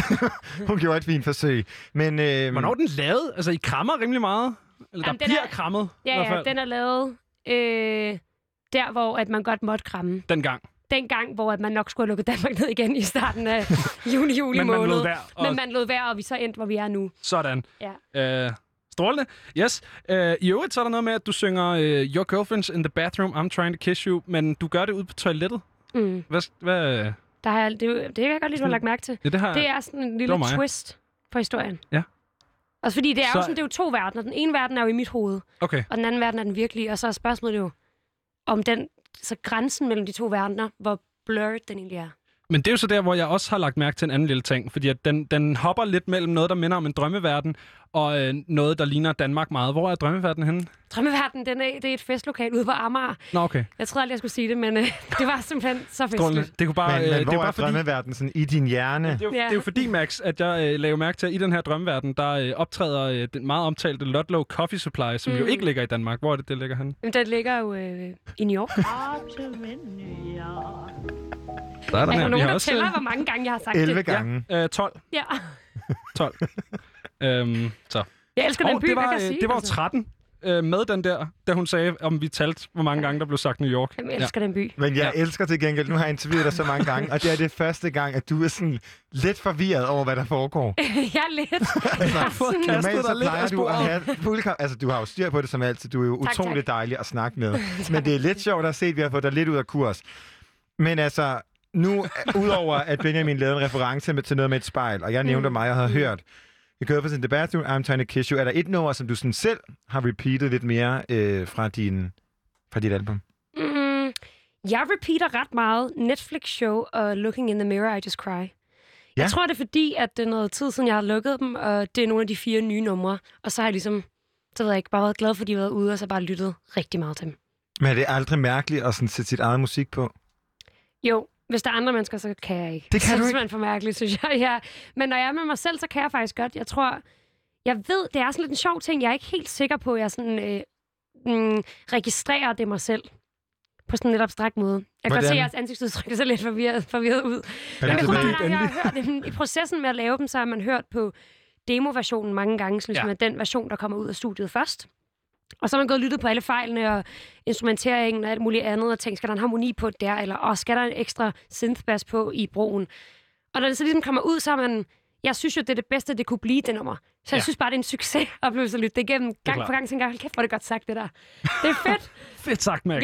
Ja, jeg synes virkelig, det er sådan, det, det synes jeg ikke, der er nogen skam. Jeg kan godt lide, men jeg tror, jeg, eller det gør jeg, jeg lytter mest til min musik, før den udkommer. Okay. Når den ligesom er ude, så det ved jeg ikke. Hvad nu, hvis jeg hørte et eller andet, jeg ikke synes var... Er det nogensinde det, okay, det er jo ikke godt. godt. Nej, det er ikke sket, fordi jeg lytter så meget, før det kommer ud. Altså, jeg, jeg kan så ikke tale på det. de der. Men altså, jeg lytter. Jeg lytter faktisk, jeg lytter stadigvæk rigtig meget til, til sange, jeg har liggende nu, som ikke er færdige, som jeg går og vurderer, om skal blive færdige. Okay. Mm. Spændende. Men vildt, altså, hvordan, hvordan, altså, nu er du jo et øh, menneske i sine bedste 20'ere, Mm. Og vi er jo alle sammen rimelig forvirret og dårligt til at tage beslutninger. Altså, hvordan beslutter man sig for, at det er version A og ikke version B, når man har skåret det ned til det, som skal være det nummer, der bliver udgivet? Mm, jeg det tror, har altid jeg, undret mig utrolig meget over. Det er sådan en ret fluffy proces, men at the end of the day, så er det faktisk, så er jeg sådan rimelig kontant med det. Hvis der er noget, der generer mit øre første gang, så generer det oftest også mit øre. Måske ikke femte gang, men så vil jeg så holde en pause en dag, og så høre det igen, så vil det være irriterende igen. Okay. Det er sådan, det kan, det, det sidder også, ja. Jeg bliver nødt til sådan, det er lidt autistisk anlagt, tror jeg. Så, så, så allerede, altså der, hvor den irriterer dig første gang, så skal Ja. den dø. Hvis den sådan lyder lidt diskant, den synthesizer, så ved jeg bare, at give mig et halvt år, så kommer jeg ind i studiet, og så spiller man der, så sådan, den der synthesizer, den er Mm. lidt diskant. Et nummer, hvor processen var rimelig nem, og øh, det nærmest bare har været dig og din gode ven, gitaren, som lige nu ligger og slinger sig i den øh, blå veloursofa bag os, er jo Monday, Mm. Som vi skal høre live. som om vi skal høre live lige Ja. om lidt. og Hvor er det nummer skrevet henne? Det skrevet i New York. Ja, undskyld, nej, det skulle Har bare I lige høre. været der? Elsker I ikke også den by? Jo, jeg har der er været der dejligt. 18 gange. Det er, mit, altså, det, er det eneste sted, jeg Okay. gider at rejse til. Har du været der 18 gange? Jamen, det er fordi, min faster bor en Nå. time ude fra New York, og mine forældre havde ikke, gad ikke at rejse andre steder hen. Jeg har været der tre eller fire. Så jeg har der aldrig dejligt. været andre steder. Der er rigtig, Nej. rigtig dejligt. Det er, Jeg var der er to gange sidste år. Ja. New York. New York. New York. Ja, det var en til gang. Ja. ja. Men, men det er jo Monday. Ja, det er meget. Og i dag har vi ligesom fået markeret som en 87'er på en eller anden mærkelig øh, max-skala. Ja. En dejlig mærkelig. øh, Blue Ja. Monday Skala. og Happy Mondays, mind you, som Mhm. skulle være en god mandag. Ja. Øh, hvordan er den gode mandag så for dig? Hvad, hvorfor er det en god mandag i dag? Den har været produktiv, synes jeg. Okay. Øh, det kan jeg godt lide. Jeg har sådan ligesom... Min mor flyttede til København her i, øh, i weekenden, så har jeg hjulpet hende med at flytte lidt ind. Nej, hvor dejligt. Jeg har fået sat... Øh, nu har der i pinligt mange måneder stået en øh, låge ude i mit køkken, ja. som skulle på min opvasker, som jeg ikke var i stand til at fuldføre. Ja. Så nu har jeg endelig fået sat den på i dag, og det var, var simpelthen... det en praktisk mangel eller en dogenskab? Det var en praktisk mangel. Det Okay. var en mangel på evne for mig, Sådan. for mit vedkommende, at få den låge sat på. Og den sad heller ikke fast opvaskeren, så når man sådan skulle putte noget i Ah, den, ja, det skulle man ikke. ligesom holde den. Nej, øh, nej det det, ikke det var godt. ikke så fedt. Så den er blevet sat på, så jeg glæder mig bare til at komme hjem, lave aftensmad, og så ligesom vaske op. åbne lågen. What? Og så ikke vaske op, men ligesom åbne lågen, bare sætte det ind og have den der sådan følelse af, at alt er funktionelt i mit køkken igen. Det er da også en dejlig følelse. Men du har, du har lavet den her sang, som hedder Monday, som vi skal høre om lidt, mm. live i radioen, hvis man ikke øh, blev mærket det første gang. Er På det, en ikke så god mandag, ikke? ja, det er ikke en god Mm, mandag. Men er det sådan, har du det generelt sådan Garfield-agtigt? Sådan Garfield-agtigt, hvad mener du med det? Han kan ikke så godt lide mandag, Max. Nå. Der havde du ikke læst så meget Garfield, måske. Nej. øhm, Det var min skyld, så undskyld. men, nej, men hvad hedder Men det? Garfield er jo også fra en by, eller hvad? Er han fra den samme by, vi elsker? Jeg skal ikke kunne sige, det er Garfield fra New York. Øh, og, by the way, der spiller en lille fanfare, og det er simpelthen fordi, at øh, tidligere på dagen, der, øh, der, øh, der, der satsede mig og øh, Christian og vores redaktør Mikkel Bakker på, hvor mange gange Max hun vil sige New York. Og jeg har nu på nuværende tidspunkt fået Max op på 16, og værende det højeste bud fra mig, 16, så har jeg vundet øh, et New York pizza slice, som jeg ikke ved, hvor fanden vi skal få fat i, men jeg har vundet det. Nej, det ved jeg heller ikke. Nej. Men, men fedt. Måske, Ja, Max, du kan til tage det med hjem næste gang, du er der. Ja, måske jeg kommer med det næste gang. Jeg tager, Ja. jeg tager det med. Jeg det. Så hænger det. Så er det med. Det er skide godt. Hvad hedder det? Øh, Ja, det handler om en, øh, en dårlig mand. Hvad er det for en Mm. dårlig mand, det her øh, nummer handler om? Den er en rigtig dårlig mand, og jeg har egentlig ikke et særligt anstrengt forhold til mandag. Jeg kan godt lide det. Ugen starter, der er ligesom ny energi. Jeg er sådan en typen, jeg, jeg kan faktisk meget godt lide mandag. Men lige den her mandag var mandagen efter øh, et søndags breakup, som bare havde været lort. Ja. For at sige det, som det er. Gerne jo. Det er det gerne jo. Og så, øh, sådan, når jeg tænker tilbage på det nu, var det jo sådan en enormt sådan, nostalgisk dag at gå rundt på Manhattan. Nu vil jeg prøve se, om jeg kan måske specificere det lidt. Det var Men- faktisk men at gå rundt Manhattan. i- Jeg har den ikke.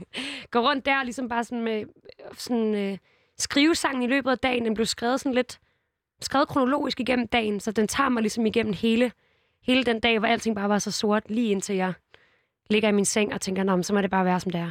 Og så Ja. ringede han, og så, ja, så startede jeg bare forfra igen. Jeg synes, introen, nu har jeg jo hørt den sang et par gange også, beskriver sangen meget godt egentlig. Mm-hmm. Altså, To wake up hurt, But I've heard that it will hurt many Mondays. more. Og, Og det er sådan øh, lidt, det er jo altså... altså, jamen jeg må bare lige sige, at for hvis, nu må vi snakke om New York, ikke? Jeg er lidt misundelig på, at du har været, altså har fået knust dit hjerte i New York. Jeg vil jo have det helt Carrie Bradshaw, Sex and the City. Jeg havde det så anti Carrie Bradshaw. Det var mere Hvorfor? sådan ned på gulvet, ude på badeværelset, nøgen, efter man havde været bad, bare i grådet, bare... Det er da meget Carrie Bradshaw. Synes du det? Ja, hvis du lige har, altså hvis du så kunne, ud, Havde en pels på. kunne gå ud og tage din Manolo Blahniks på. Ja, men der var bare mere sådan slidte sneakers på Lower East Side-følelsen. Jamen, der har du heller ikke udnyttet din Carrie Bradshaw til sit fulde. Nej, det Du har jeg havde jo mo- du havde muligheden for at gå Havde med et, et par legendariske solbriller og en pels af Manolo Blahniks grædende ned i Soho til Ja. Ludlow Coffee Supply. Jamen, det er rigtigt. Og ved du hvad, jeg er sikker på, at jeg nok skal få mit hjerte knust over igen. Jeg synes i hvert fald, at jeg er blevet forelsket mange gange i New York, så det må jo... Jeg løber tør for New York-lyd. Du bliver nødt til at Men nu er det jo her. snart sådan, at jeg er til, altså, vi er tilbage til ligesom at dividere det, fordi vi skal ned igen. Nej, på jeg ingen måde. Prøv at øh, der blev lige øh, reciteret en øh, dejlig, fin intro til det her nummer Monday, og det skal vi altså høre lige om lidt. Men øh, først, så skal vi altså høre det nummer, der vandt din øh, mandagsskala, så øh, bare lige så du har noget tid til at finde gitaren frem og sådan noget, Max. Så i mellemtiden, mens vi venter på det, så får vi altså her Step On fra Happy Mondays.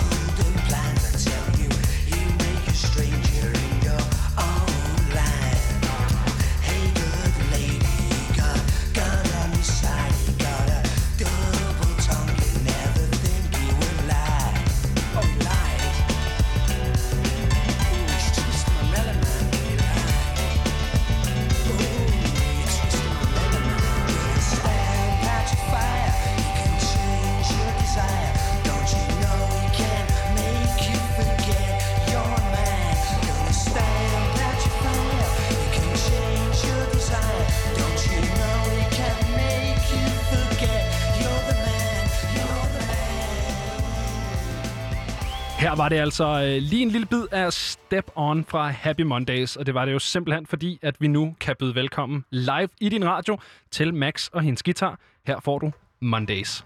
Monday.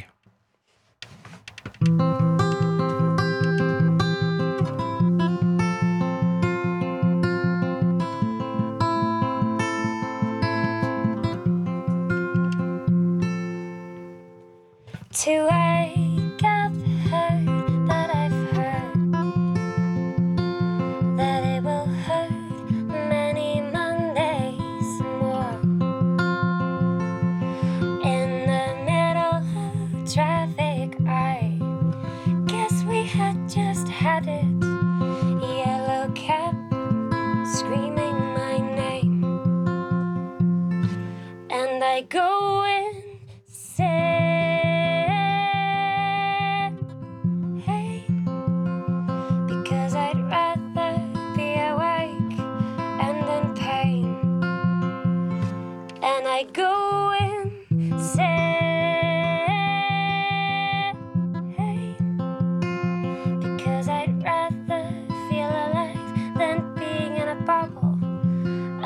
protection all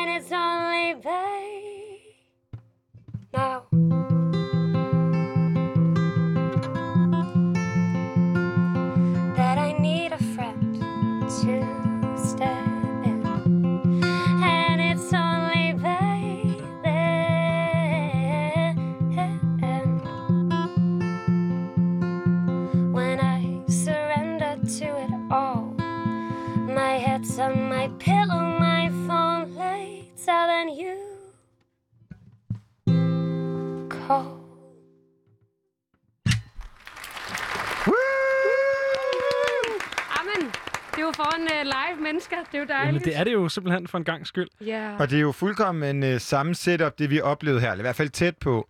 Det er, øh, som det er vel, når du spiller en live-koncert, som det er på pladen, eller hvad, mm. hvad er det? God gammeldags live-koncert. Det er faktisk... Oh, ja. Øh, ja, dengang. Nå, men det er faktisk... Øh, jeg havde overvejet, om der skulle stå one take bag ved Monday på pladen, men fordi det er et one take, ligesom nu, hvor jeg spiller og synger på samme tid. Ja. Øh, tit så snyder man lidt i studiet, så spiller man først lidt guitar, og så spiller man lidt... lavkage og sådan Hvor det var ligesom... Valget var, at det skulle være så meget lige den proces, som det blev skrevet i. Også i kontrast til resten af pladen. Så når jeg spiller, øh, spiller den live, som jeg gør lige nu, så er det på fuldstændig samme måde, som den øh, er på pladen. Lige inden du gik på, Max, så gav vi dig den glædelige nyhed, at du øh, bliver trukket igennem en quiz lige om lidt. Ja. ja. Så øh, vi giver dig lige tid til at lægge gitaren fra dig og øh, hvad bedre måde at gøre det på, end at høre noget mere Max. Så her får du altså All I Hear, Dada. Cold coffee on Saturday morning. Seven years I've been dishonest. Stopped eating when you stopped calling me. Memories like dirty laundry. Maybe I'm still in the closet. Stop sleeping when you stop calling me.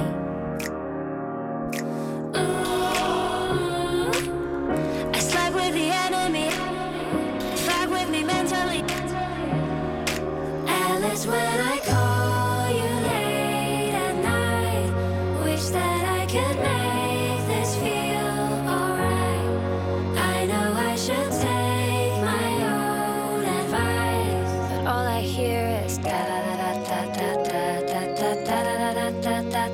I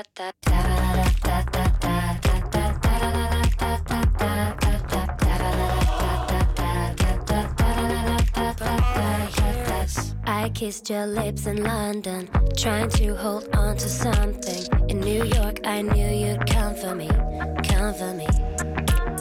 You sent so many letters, say that you'll treat me better. But I've heard that, I heard that so many times before.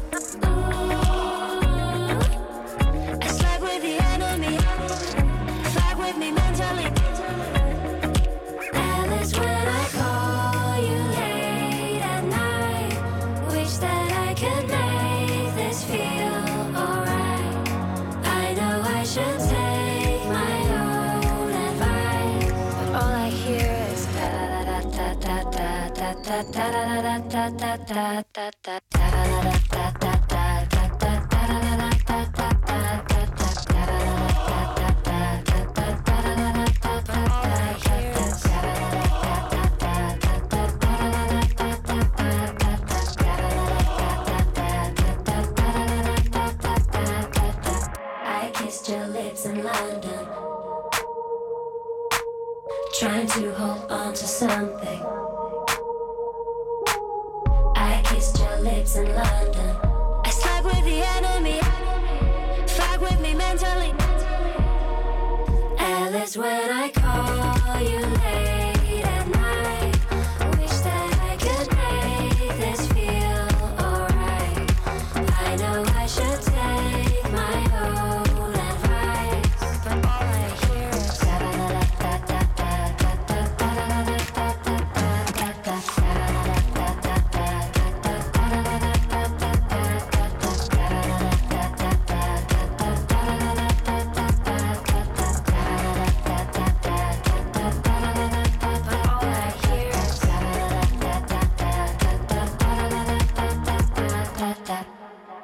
Det var altså All I Hear, Dada fra øh, ingen andre end, øh, end Max, som vi jo stadig har i, øh, i studiet her. Og Max, hvordan er det lige, du har det med, med quiz?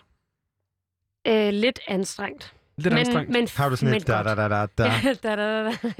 Ej, jeg har det faktisk fint med quiz. Jeg tror, du er god til quiz. Ja. Har du ikke quizzet med os før? Jeg synes, det er imponerende, hvis du har besøgt os så mange gange, Du og quizzede- aldrig har været trukket igennem en quiz. Du, du blev, øh, der blev quizzet første gang, du var her. Ja. ja. Det var en anden Og jeg- quiz, det end var- den, vi skal okay. igennem nu. Jeg er lidt spændt. Den her quiz er fantastisk, og Okay. okay. alene måden, at Benjamin Clemens han præsenterer den på, er det hele værd. Fierce. Ja. Okay. Jeg er lidt det? på, at jeg ikke kan være med i quizzen dog. Ja, men det er fordi, du kender svarene. Gud, vi har det da simpelthen- quizzet. Det er rigtigt. Vi har quizzet Hvad er simpelthen. egentlig ikke? Mod dig. Jo, Det kunne ligne dig. det tror jeg. Jeg vandt i hvert fald ikke. Nej. Ha. Prøv at se her. Det, vi skal til nu, det er et uh, quizformat, som vi kører her på Frekvent, som faktisk er et stykke tid, som vi har kørt, som jeg kalder for vores naboquiz. Ja. Så det, som vi skal til nu, Max, Ja. det er, at vi skal forestille os, at vi er i en, øh, en lille lejelejlighed. Vi er lige gået i seng i virkeligheden, ikke? Okay. Sådan, altså, faktisk skal sove, skal måske op i morgen. Øhm, Og vi ligger og nyder øh, lyden af vores opvaskemaskine, hvor lågen er sat på. Uh, og det kunne Ah. simpelthen ikke være bedre. nej, det kunne det faktisk ikke. Og Og så ellers lige er der pludselig, stillhed. op fra overbroen, der lyder der. Dør, der åbner, stive mennesker, der vælter ind, og fuck, nu har de rykket festen her hjem. Men på et eller andet tidspunkt, Max, så bliver du træt af at ligge og sætte dig sur på din overbro, Mm. som hører høj musik. Mm. Så i stedet for ligesom at bekrige din overbro, så begynder du at lege en lille leg med dig selv. Du begynder at prøve at gætte, Hvad fanden er det, overboen hører, Max? Mm. Hvad er det, din overbo hører?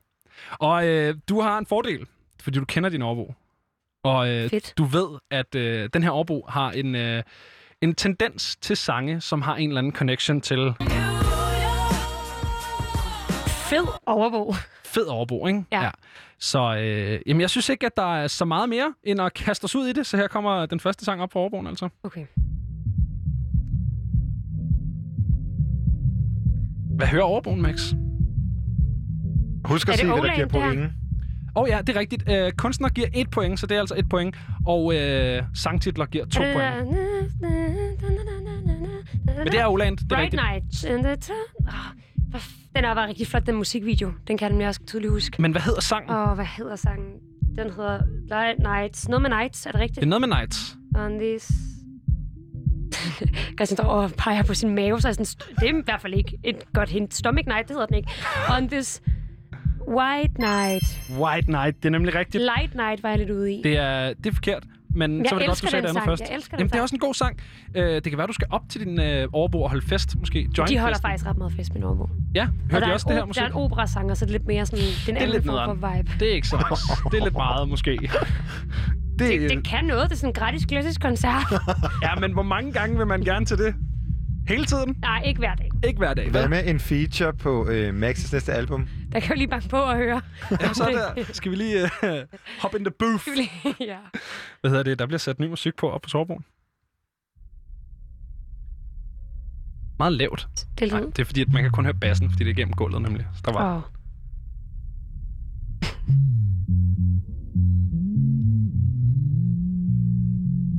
Åh, oh, den kender man også godt. Jeg vil meddele, at du skal have i hvert fald over 12 point. Over For at 12 vinde. point. Ja, Hvor mange har fået nu? To? 3. Mm. Og det er altså ud af 3, 6, 9, 12, 15, 18 mulige. Det er nådigt, synes jeg. Hvis du vinder, så kan du få lov til at vælge en sang. Oh. Du kan også få en kop, hvis du ikke allerede har fået en. Jeg har aldrig fået en kop. Så Du, kan du, du du distraherer nu, men det er sådan en rigtig quiz-ting på radio. Så Ja, får man en kop. Ja. Mm. Men det er fordi, jeg prøver at distrahere dig, så du Ja, taber. det er fordi omkvædet må komme snart. Hvis jeg ikke kan den med omkvædet, så kan jeg den ikke. Det er det der. Ja, men hvad fanden er det? Ja, hvad er det? Det har en eller anden connection til New York. Jeg kan meddele, at uh, White Nights fra Oatland, det er skrevet i New York. Ja, det ved jeg nemlig godt. men, men hvad er det her, Max? Hvad er det, vi hører? Hvad, eller hvad er det, overboen hører jo i virkeligheden? Det er sådan noget, som en eller anden indie-ven vil sætte på, så man er sådan, nå ja, nu kom den igen. Stor indie-ven. Kæmpe indie-ven. Ja. Ej, hvad er det? Sig, hvad det er. Først så får du lige den der lyd, som jo altså betyder, at øh, du har svaret forkert. Det her, det er The Velvet Underground. Jeg prøvede at pege på sofaen, så Nå der ja, blå velurer. Velvet. Ja, men, jeg, men det er sådan en, ja, ja. Kæft et hint. Ja, det er... Selv hvis den var kommet ud i fuld lyd, tror jeg ikke, jeg havde kunne sige, det var Nej, det er The Velvet Underground Sunday Morning featuring Nico, som er Ja. stort indie-ven-nummer. Men der er altså 0 point til dig ja. der. Øh, der bliver sat ny musik på derop. Ja. Der er noget bass, Ja, der der, vil der, i der er noget verden her. moderne her. Der er noget Max Martin. Hmm. Ja, det er Lady Gaga Det er Lady Gaga. med... Er det paparazzi? Det er paparazzi. Jeg elsker dig så meget. Ja, der er sgu ikke så meget til her. Jeg elsker en god popsang. Og, og vi prøvede virkelig at finde et lidt sværere Gaga-nummer. Det var dig, Christian. Ja, det, Synes du ikke, det var lidt sværere, det her? Det er jo ikke Rain On Me eller Just Dance. nej, eller... Og det er en virkelig, som, Pokerface. som Benjamin fortalte mig, det er jo en basgang, som er fu- fuldkommen Den vil frem i verden. overdøvende. Ja. Men de her høretelefoner er lidt bedre, end dem, vi hørte dem på tidligere. Nej, jeg har bare skruet lidt mindre ned. ned ah, for, det er derfor, det er Ja, derfor. du har lige taget den lidt Ja. mere op af vandet. Lige præcis. Ja. ja. Vi hører lige en uh, sang med op hos den der overbog der. Ja.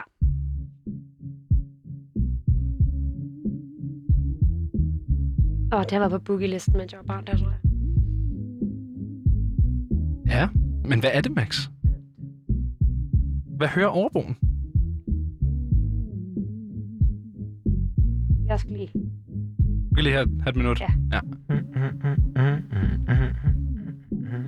Ja, ja, man ville jo gå på floor, hvis man var til, på, altså, til fest. Jamen det er du ikke. Du ligger ned Ej, under det gør festen. jeg, Det er det, der ja, ja. hele pointen med den her quiz. Ja, ja. Det er sådan noget R&B starter der. Det er korrekt, men hvad er det? Og hvem har lavet det?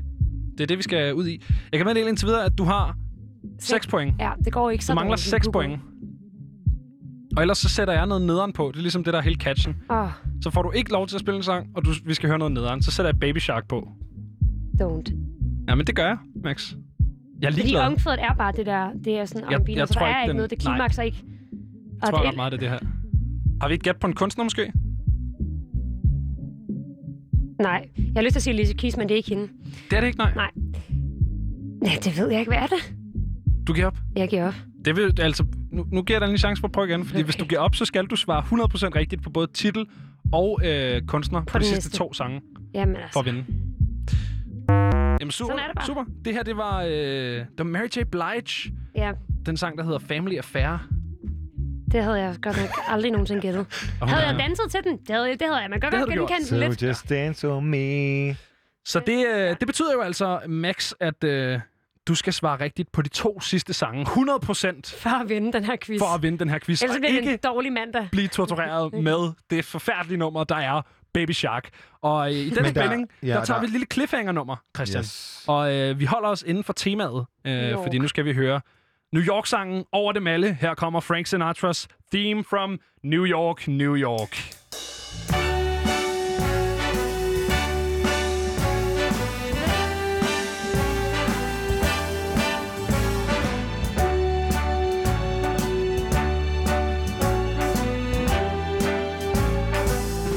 Start spreading the news. I'm leaving today. I want to be part of it. New York, New York. These vagabond shoes are longing to stray right through the very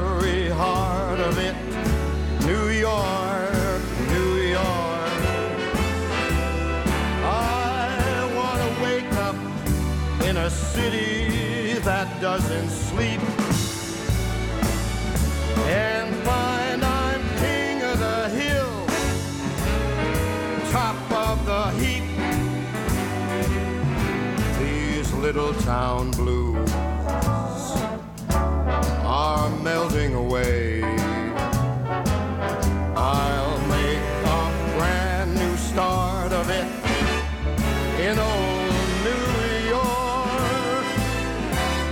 If I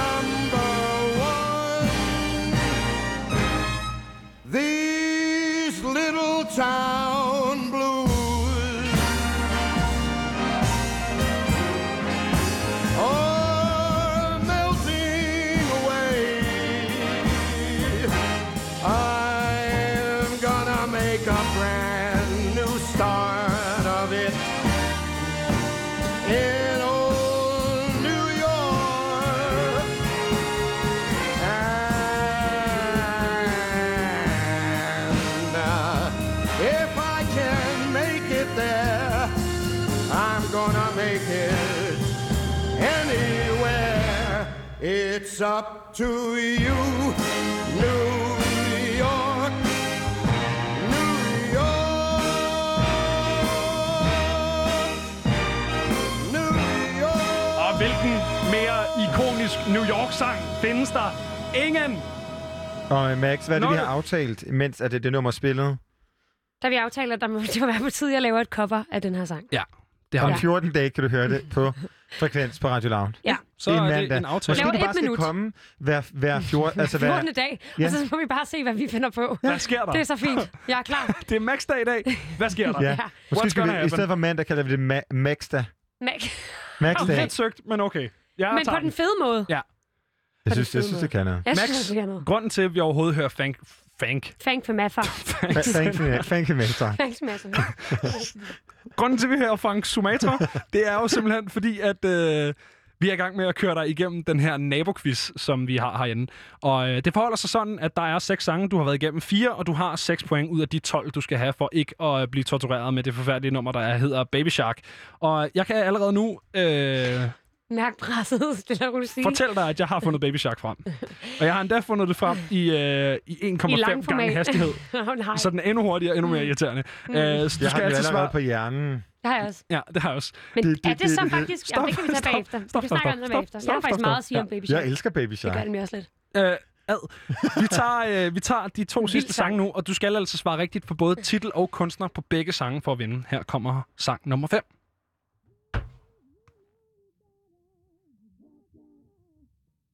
Den er sat på, bare rolig.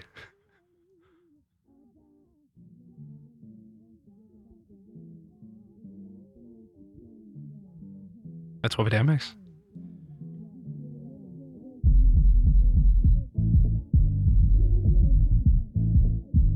Det, kan, det ved jeg ikke. Det siger du med det samme.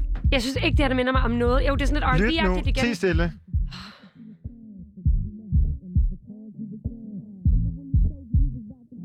Max. Jeg vil aldrig putte den her sang på. Jeg vil ikke engang gå på fløj. Jeg vil gå på toilet, hvis den, her, den kom. Det, Det tror jeg. mener du ikke. Ej, Det tror jeg. du ved ikke, hvad der, er, der bliver sunget nu. Nej, Altså, tydeligvis ikke. Det står du helt alene om, det der. kommer det ikke nu? Er det Nej, Beyoncé så? Er det derfor, ikke jeg reagerer Beyoncé, sådan der? Nå, nej. Okay.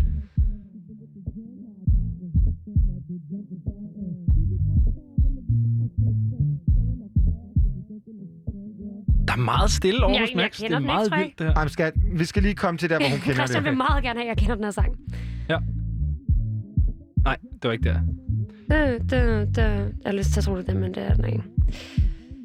Jeg tror ikke, hun kender den. Jeg tror virkelig heller ikke, jeg kender den. Girls, you know you better watch out. That thing, that thing. Ja, jo, pæfærd, men, men nej. Max, det Den er er, god det nok. slatten præsteret. Øh, det her, det er Lauren Det er en Hills dårlig fest, de holder ovenpå. Altså, hvad er det for en... Det er i hvert fald ikke noget, jeg vil tænke, jeg går glip af noget. Jeg vil have tisset okay, sådan jeg noget tror, at du 10 går- minutter ud af den her fest indtil videre, fordi det har været så mærkelig musik på Prøv at, floor. du har tabt, men bare lige for øh, Du god kommer- sportsmanship, Ej, men så nu kører vi dig igennem sidste sang. Ja, og det er en kvit eller dobbelt. Er du med på kvit eller dobbelt? Du kan Ja. da ikke øh, bare kvitte eller dobbelt, det er min quiz. Nej, okay, men det gode er, hvis vi taber, så skal vi høre Baby Shark. Og det kan vi godt lide, så det er jo fedt nok. Det er jo win-win faktisk, lige meget hvad der Ja. sker. Ja. Vi vil gerne have Baby Shark lige meget hvad. Ja. Ej, vi Men- går til kvit eller dobbelt. Prøv at Okay, kvit eller dobbelt. kvit det er fint. Okay, okay, fint, fordi okay, du skal okay. faktisk bruge Men lige hvis du ikke kan den for- her, så bliver jeg seriøst skuffet. Ja, Okay. Så, Så har du øh, ikke gået til de rigtige fester i Jylland. Åh, oh, nej. Kom nu, Max. Du, du, du, du, du, du. Hvad er det? Jamen, den kan jeg godt. One night, da, da, da, da, da, da. Men du bliver, du bliver Ja. nødt til at give mig både en kunstner og en titel. Jeg kan ikke bruge sådan noget halvhjertet noget derovre fra. Det går ikke, det der. Just wanna have fun. Det er rigtigt, det er titlen. Ja. Ja, så skal vi bruge kunstneren. Og der kan jeg godt se, at du er på dybt vand. Og det skuffer mig alvorligt meget, Jeg Max. Mærke, jeg kan bare sådan mærke, hov, nu skal jeg lige huske, jeg i radioen. Bare sådan, jeg var lige ved at tage mig til hovedet og bøje mig ned og sætte mig ned og sådan noget. Altså, der er en i Danmark, Øhm. som hedder Boogaloo til efternavn, som hedder det samme til fornavn. Nu stopper du med det der. Du Okay, stopper men det var fedt, derovre. fordi det gav mig intet. Jeg aner Men ikke, du, om det du, er. laver, det du er. laver de mærkeligste fucking ledetråde, Christian. Du er manden for helt over ledetråd. Men det at er være så sjovt. Seriøst. Men det er fedt, fordi det er ikke rigtig en ledetråd. Man skal selv have den i, i hovedet, før man får Okay, der er en fodboldspiller, der hedder nærmest det samme En fodboldspiller. Altså, jeg ved, Hvorfor hvem... kan du fodbold? Nej, altså, Brian ved man da godt, hvem er. Det er jo ikke... Stop. Det er ikke... Prøv at... Hvem har lavet den? Jeg kan ikke sige Du det. kan det ikke. Nej. Max, det er Cindy Lauper for helvede. Ja. Men jeg kan... Jeg vil Vi bare, stået hele jeg vil jo og jeg bare ville aldrig sige... have sagt det. Nej, sker det nu? Er du, er du tilfreds nu, Max? er Jamen, du jeg glad? kan godt lide Baby Shark, men Jeg ikke så hurtigt her. Det er der. Woo! Okay. Airhorn. Jeg har aldrig prøvet stoffer, men jeg forestiller mig, at det er sådan her. Jeg vil høre airhorn. Det, det, det, det, det, det. Det er meget Det- det- hurtigt. det- Det er meget højt. er. Og meget dårligt, Max. Det, det, det, det, det, Og ved du hvad? Det er alt sammen din skyld. Det, det, det, det, det, Det er en gave. Og, og Christian er lidt off-takt. Det, det, det, det, det, det. Hvordan er det nu, dansen er? Altså, okay, men måske det er fordi, jeg Nå ja. Fuck. Baby Shark. Nå ja, det var Og så- Og så Grandpa Shark. Hvor er airhorn, når man skal bruge det? Du er det, grandpa. Grandpa Shark. Det, det, det, det, det, det. Ej, Den Max, hvad sidste en Let's Go? Hunt, jeg synes, der er lidt kontroversielt. Resten af sangen synes jeg, der Hvad er er det for en, der er kontroversiel? Let's Go Hunt. Det er jo hajer, Max. Ja, Er du men... veganer, eller hvad? Nej. Siger du der i din øh, knælange Jeg kan bare ikke lide det der, hvor man sådan skærer deres finder i for sjov og sådan noget. Nej, men det er jo ikke det er jo ikke- hejerne, der, det er jo hejerne, der skal på Skal jagt. jeg jo ikke finde af nogen. Nej. Nå, men jeg troede, det var de her børn, der skulle håndte dem. Jamen skat, altså det er jo, det er jo en sang. Har I lavet lyrisk analyse af Baby Shark? Ja, før? og det er her, jo en- det er jo en sang hajfamilie. Fra hajernes synspunkt. ja, ja. Men er det? det, det, er det, det det, det. det. En hej siger jo ikke det, det, det, det. Hvad Den siger ser jo heller ikke Baby Shark. Den Nej. ser... Det er derfor, jeg tror bare, det er sådan, man gennemgår bare Jeg nogle forskellige former for Shark sharks. mindst. Mest. Du tror, det er små børn, der skal ud og hente hajfinder til Let's go hajfindsuppe. hunt. Hvad for en... Prøv lige at vise. Hvad er det for prøv en lige at syg vise, verden, vis du lever lige derover til, hvad din yndlings øh, af sharksene er. Grandpa Shark. Grandpa. Jeg ved ikke, hvad det klip nogensinde skal bruges til, men jeg synes, Det det er visuel radio, og det, det er endda ikke god Okay, visuel skal vi vælge en god, rigtig... En, hvad for en sang? Kan vi blive enige alle tre? Vi kunne godt høre Lady Gaga men prøv Paparazzi. at- Du har tabt, Max, og Christian, du har Jeg er hjulpet også hende. medvært. Jamen, du har hjulpet Max med at tabe med dine forfærdeligt Jeg er dårlige udtryk. Så du ikke gæst. Cindy Boogaloo? Der er er. ingen af jer, der er i nogen som helst øh, Ej, har, stilling. vi- Men har- tænk, har vi Cindy- hittet- Har vi Cindy Boogaloo i uh, Spotify? Selvfølgelig har vi ikke sendt Boogaloo. Vi skal ikke Ah. høre Cindy... Cindy Boogaloo. Jeg sætter det. Øh, altså. Hvis I var til en fest, hvilken sang ville I så sætte på? Hvis I var der lige nu. Prøv at, det er fuldstændig lige meget, fordi at, Nå. øh, jeg er i helvede, og det er der nogen, der har skrevet en sang om. Don't know who I'm trying to fool. I am still so into you. Got coffee at that corner cafe, the one we went to on your birthday. Don't know what I'm trying to prove. I still think about you. Walking by your Airbnb, I swear to God I couldn't breathe. You'll find a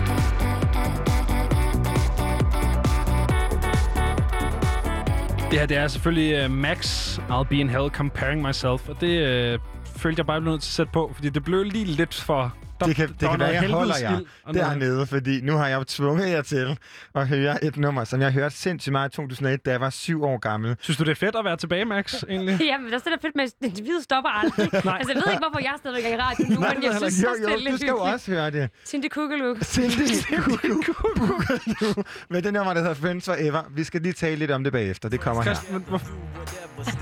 Hvad er det her? Prøv nu lige at høre det. Hvor langt er det? Alt for langt. Ej, det den kan slet ikke høre det. Den har været på en af de der greatest hits CD'er. Det var jo på TV2-programmet. generelt. TV2-programmet Venner for livet. Cindy Kuku Boogaloo. R-E-N-D-S. Ja, jeg kan stadigvæk ikke køre mig selv on time. Ja. Hvad synes du? Er det, er det også Øh. cover-territorie, det her? Det kan være, det er om fire uger, så kommer du ind, og så laver du Friends Forever og Cindy Det- det- det tror jeg. Max Kukubugaloo. Christian, den tager du. Du laver et cover. Ja, det synes er- jeg også, Og så laver jeg du et laver cover et på cover. din Instagram. Ja, men Cindy Kugel, den lægger jeg gerne op. Okay. Det er Cindy. Ah, der bliver lavet så mange dumme aftaler. Friends forever. Uha, hvor er jeg glad for, at der snart er nyheder. Kender I det? Ikke fordi det ikke er Ikke i hyggeligt. de her tider altid. Nej, det er selvfølgelig Ej, rigtigt. Max, okay. Partypooper derovre. Jamen, det er, det er jo en vild tid. Det er en vild tid. Wow, serious Monday. en lover Det er, jo, det er jo en seriøs tid. Ja, særligt fordi Trump han er i bedring. Ja, præcis. Ikke, der er vi- nogen, der har været i ikke, at New vi York ønsker ham derovre. noget. Ikke, nå ja, ikke, det er så Washington, ikke? Men Jamen, han kan Nej, simpelthen ikke få er lov til at for have noget med New York i New. York. true. Ja, han er sgu da fra New York. Ja, men det må man bare ja, det sige højt. Nej. Det er New byen York, af det er vores helle. Men han kan simpelthen ikke... New York kan ikke lide ham. Der er ingen, der stemmer på ham. Der er ikke nogen, der kan lide ham. Nej. Der er, det er heller ikke rigtigt. Men der er folk, der ikke stemmer på der er ham i mange, New der kan lide York. ham. Men ikke så mange, som der stemmer. Skal det ikke så mange i vores andre. drømmeverden af New York, ven? Nej. Så. Ikke på Greenpoint. Endnu et stort tidsspor. Lotto Øh, det her det var øh, anden time af Frekvens for i aften. Øh, vi bliver nødt til at sige farvel til dig, Max, selvom det har været skidehammerende hyggeligt. Ses om 14 så dage. Så med Frank ses om 14 Sinatra-cover. dage med et Ja. Frank Sinatra-cover. Øh, I mellemtiden så er klokken så småt blevet 20, og det er tid til nyhederne her på Radio Loud.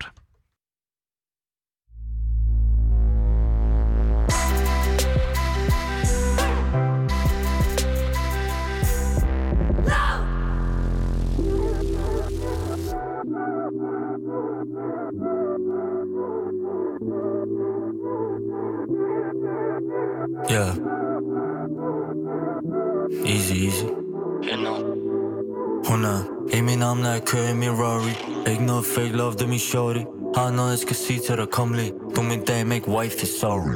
Huh. Så ikke bliv for comfy.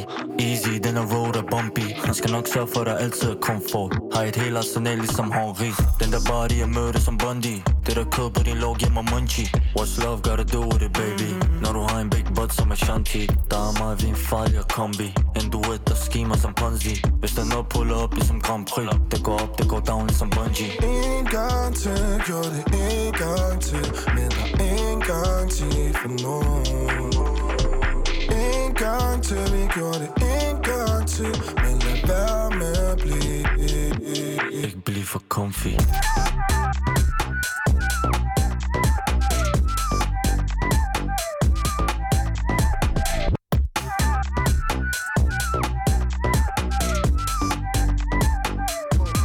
bliv for comfy.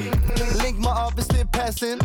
Kun en som mig, der er ingen matchning Tag mit nummer, bare tast det, tast det, tast det, tast det, tast det Jeg er ingen Mr. Romantic Men din, den er fristende. Sag til en tag en satsning Satse, satse, satse, satse, ey. Oh me, oh my. Du er ikke helt som de andre. Siger ting, som jeg ikke vil mene med de andre. Når jeg siger dig, vil jeg ikke ses med nogen andre. Vis mig, vis mig, du er den eneste af ingen andre. Spænder ben for de andre. Du er alene i mine tanker. Men jeg kunne skifte ud sådan her. En gang til, gjorde det en gang til. Men en garanti for En gang til, vi gjorde det en gang til Men lad være med at blive Ikke bliv for comfy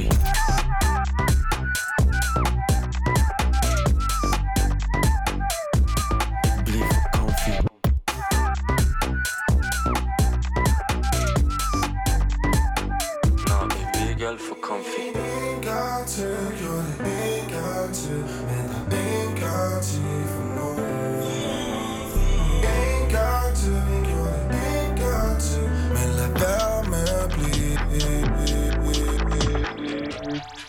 for comfy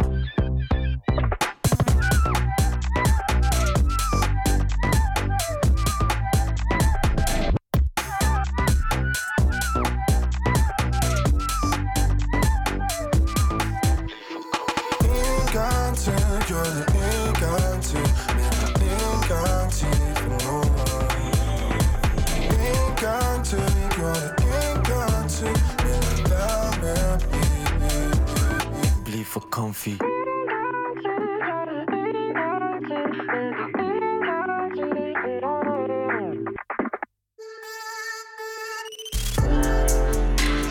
Det her er Frekvens med Benjamin Clemens og Christian Henny Links. Programmet, hvor vi lader musikken tale.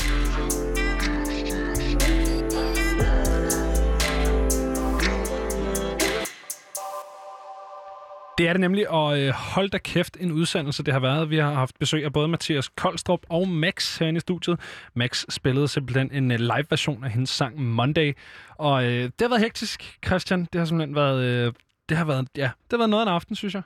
Men det været en god øh, aften. Ja, det er en fantastisk aften. Jeg har fået lov til at høre et af mine yndlings også 80 Years, som altså Mathias Koldstrup ligesom kommer ud af. Og øh, den første linje i Max's Monday, To wake up hurt, but I've heard that it will hurt many Mondays more. Ja. Øh, går simpelthen lige i mit Lige i dit- sødende hjerte. Og så lige at runde af, eller i hvert fald starte den sidste time af øh, vores udsendelse i dag med det her nummer, synes jeg skulle... Øh, er, ligger rimelig højt på. Det er en god, en god mand, der det her.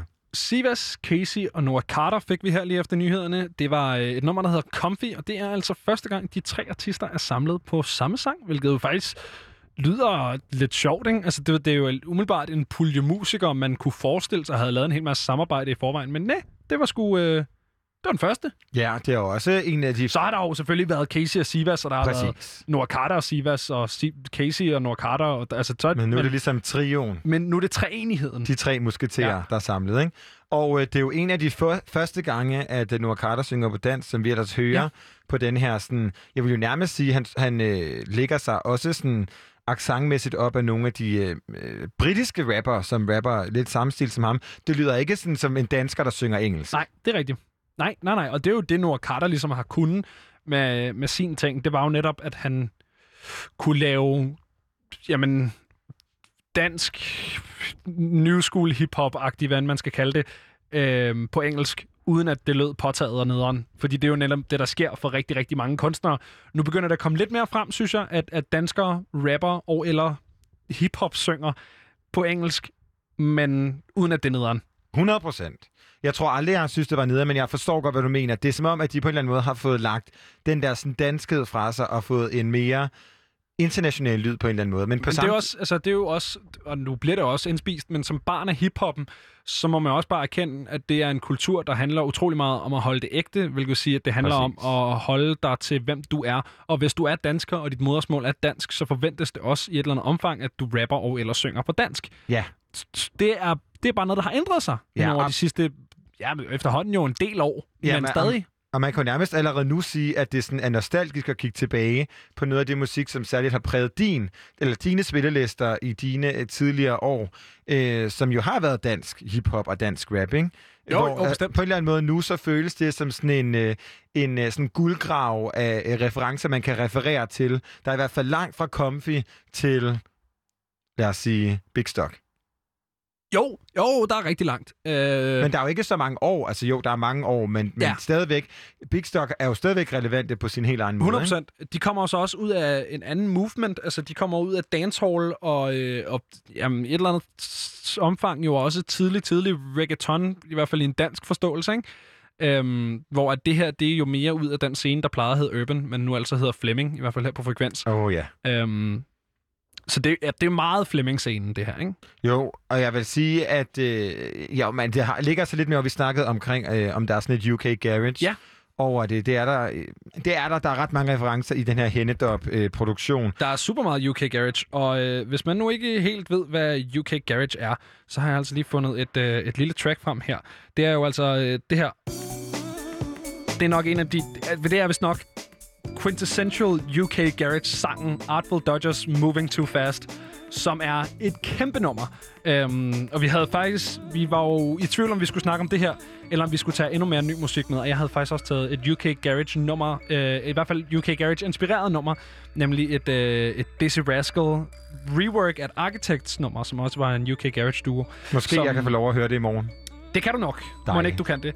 Øhm, men så jeg vil bare sige, at jeg er glad for, at vi kom til at snakke om UK Garage i, for, øh, i stedet for. Eller Jamen- alligevel hedder det nok. Og der er noget sjovt i, man kan sige, øh, hverken Casey eller Sivas, eller også den til skyld Noah Carters tidligere udgivelser, men måske særligt Sivas og Casey, er langt fra den her UK Garage-produktion. Casey, han er gammel BOC-mand. Ja, Bumborg City. Og, øh, og de var grime. Og grime ah. er jo hamrende britisk. Og grime, øh, mange tænker, at grime øh, spiller sig ud af den amerikanske hiphop-scene. Det er ikke rigtigt. Grime spiller sig ud af garage. fordi at Garage havde også MC'er, øh, Masters of the Ceremony, Microphone Controllers, om man vil, som en rimelig indgroet del af kulturen. Der var en, øh, en, en Garage DJ, som spillede sådan nogle her ting, stod og havde det lækkert derop, og så var der en MC, og ikke på samme måde, som der var MC'er i USA i 90'erne. På, de, på det tidspunkt, der er rapmusikken rimelig, øh, rimelig udviklet i USA. Der er man altså helt over i JC og Wu-Tang Clan, Nas og sådan nogle, altså nogle store acts, som virkelig har taget øh, lyrik i hiphop ret langt. Øhm, men man var et sted, hvor det var sådan noget... Øh, All the girl them on the left side. Øh, øh, uh, uh, agtig sådan noget der. Øhm, som så udviklede sig. Fuseret, fusioneret, undskyld, selvfølgelig med, hvad man kendte af rapteknikker fra USA og hiphop-scenen og sådan noget, men, men blev så til det, der er grime i dag. Oh, jeg elsker, hvordan du kan tage mig ned i sådan en lille... Et lille kaninhul. Et lille kaninhul. Så og... det var egentlig bare for at sige, at det er jo ikke så underligt, at Casey han er UK-inspireret. Det er jo ikke noget nyt. Han er jo, øh, han er jo en gammel grime-mand. Vi havde også, øh, som du øh, står og finder frem på din computer derovre, kan jeg se Lucy Love inden den anden dag, som jo er stadig grime og er, er mega britisk og også mega rave i sin lyd. Øhm, som jo er inspireret af både garage og jungle og drum and bass og alle de her fantastiske gammeldags techno-genre, ikke? Men hvis man går så, altså hvis man tager ligesom øh, bomber ud af- over City BOC ud af Casey og kigger på Blå Himmel eller kigger på Sivas, Ja. Sivas' to seneste udgivelser, blandt andet Crime Wave, er der jo sindssygt langt øh, fra den der sådan, ja. altså liderlige øh, sommer, øh, sensommerlyd, ikke? Jo, 100%. til det her. Jo. Men hvor Noah Carter måske, udover at han synger på dans, så har han ligesom holdt fast i den her, jeg ved ikke, om man skal kalde den sådan dyster, men han, han har jo på en eller anden måde det der, sådan, den, det er lidt blødere, det her. I hvert fald hans passage i, uh, i Comfy, Ja, jo, jo. hvor at, uh, lo, hvad hedder de, Love Yorn, og hvad hed den anden, vi også havde snakket om, han har Øh, udgivet tidligere i år. Ja, han har været på tre sange, mener jeg i år, fordi der kom uh, Love Yawn og Top Shelf samtidig. Men der kom altså også en anden sang, som hedder øh, Gary Payton, som er sammen med Benny James. Og øh, jeg troede faktisk, det var Benny James, der havde, James, der havde produceret det her, fordi at han er også begyndt at gøre sådan en UK Garage-ting, hvilket bare giver super meget mening. Det giver super god mening, at de her øh, gamle øh, grime MC'er, gamle, det, det er jo 11 eller sådan noget, det er jo ikke så gammelt igen, men at dem, der var den der lille bitte bølge af grime, vi havde i Danmark, dem der ligesom var en del af den, var nogle store spillere der, de begynder at kigge over i nogle popting nu, og begynder at, at tage den der UK Garage. Det er jo heller ikke fordi, at det nummer, vi lige hørte her, uh, Comfy, er en til en UK Garage, for det er det ikke. Man kan tydeligt høre, at det er igennem et moderne perspektiv, og det er en moderne produktion. Det er ikke det der varehus rave-lyd, men der er flavor. Så det, er jo, det giver meget god mening jo, at, at de læner sig op af den britiske lyd, ikke? Vi snakker lige om, øh, om det der med, øh, med Noah Carter og, øh, og hans musik, og jeg har altså fundet Gary Payton frem, øh, men det var også kun fordi, der var Benny James på. Jeg synes, det er lang tid siden, vi har hørt noget Benny James. Det synes jeg, altså det er en dejlig mand, det må jeg sige. Ja. Vi bliver klippet samme sted. Skøn, skøn, skøn mand. I har også næsten samme hår, Fuldkommen. eller noget. Her får du i hvert fald Gary Payton fra Noah Carter og Benny James.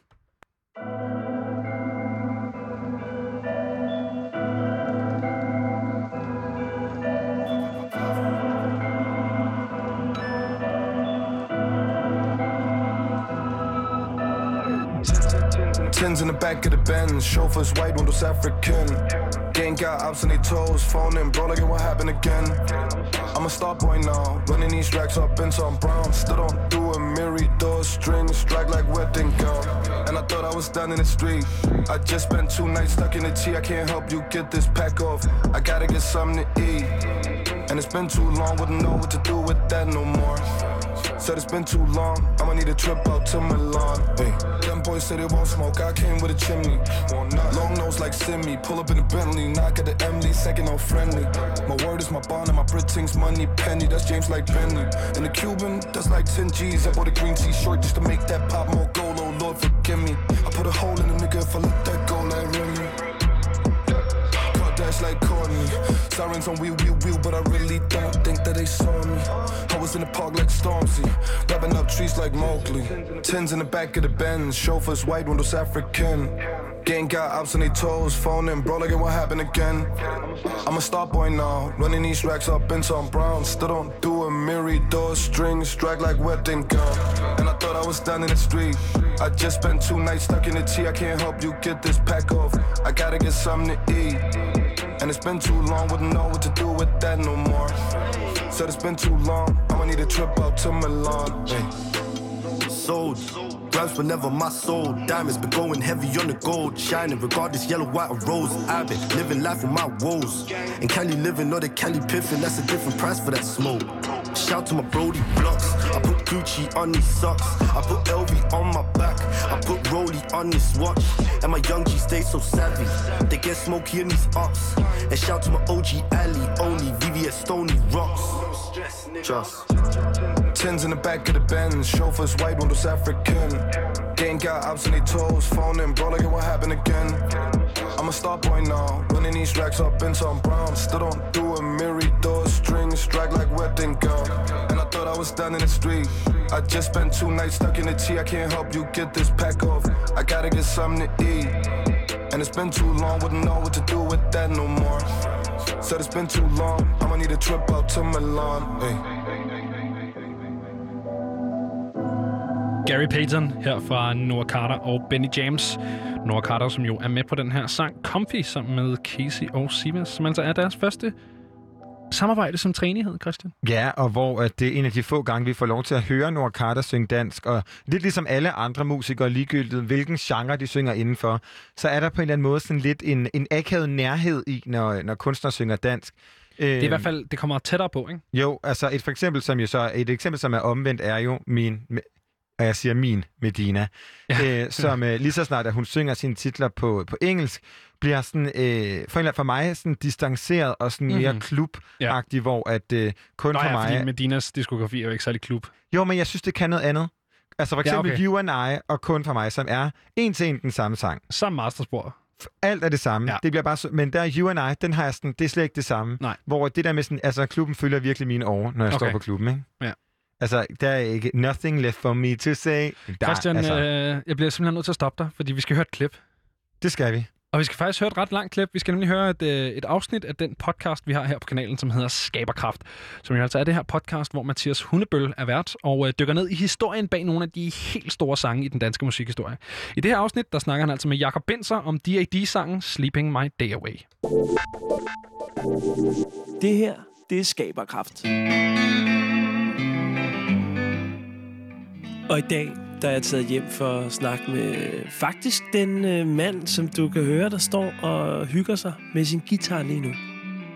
Han hedder Jakob, og lige siden jeg fik min første guitar som seksårig og opdagede den verden, der gemmer sig i rockmusikken, der har han været min danske yndlingsgitarrist. Og hvis der er én ting, som Jakob muligvis er den bedste i kongeriget til, så er det at skrive riffs. Og du kender helt sikkert det her.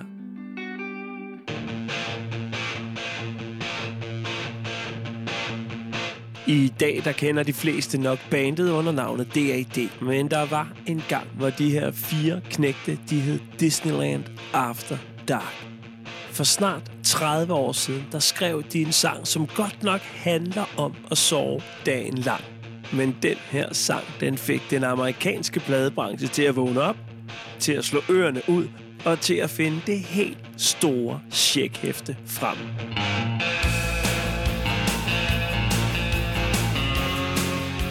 Den tid, vi skal tilbage til, der bestod Disneyland After Dark af Peter på trommer, Stig på bas og brødrene Jesper og Jakob Binser på henholdsvis guitar, vokal og leadguitar. Og det her, det er historien om, hvordan de her fire venner endte med at sætte deres underskrifter på en kontrakt, der gjorde dem til millionærer overnight. Mumbling good morning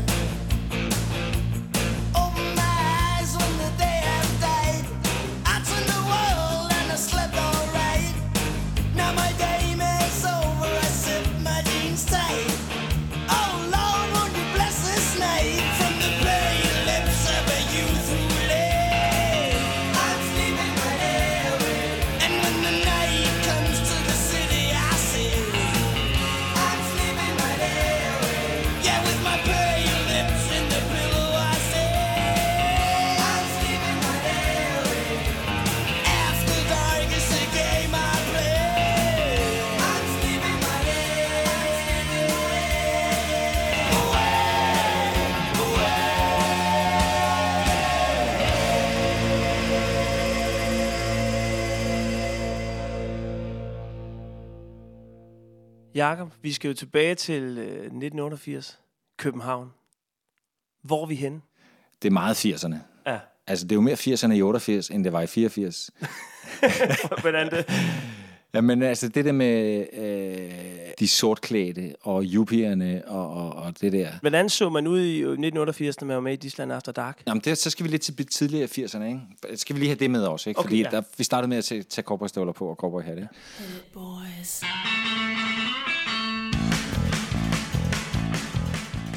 De fleste danske musikelskere har en øh, ret god idé om, hvordan D.A.D. de egentlig lyder.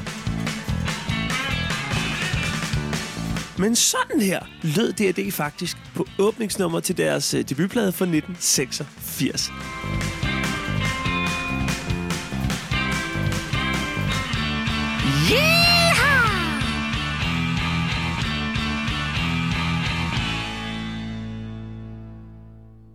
I 87 laver vi jo den plade, der hedder D&D Draws a Circle, hvor kan man sige, de der spaghetti western ting, de bliver en lille smule nedtonet, og der kommer lidt mere rock i med. Ja. Hun kommer her. Hun kommer her.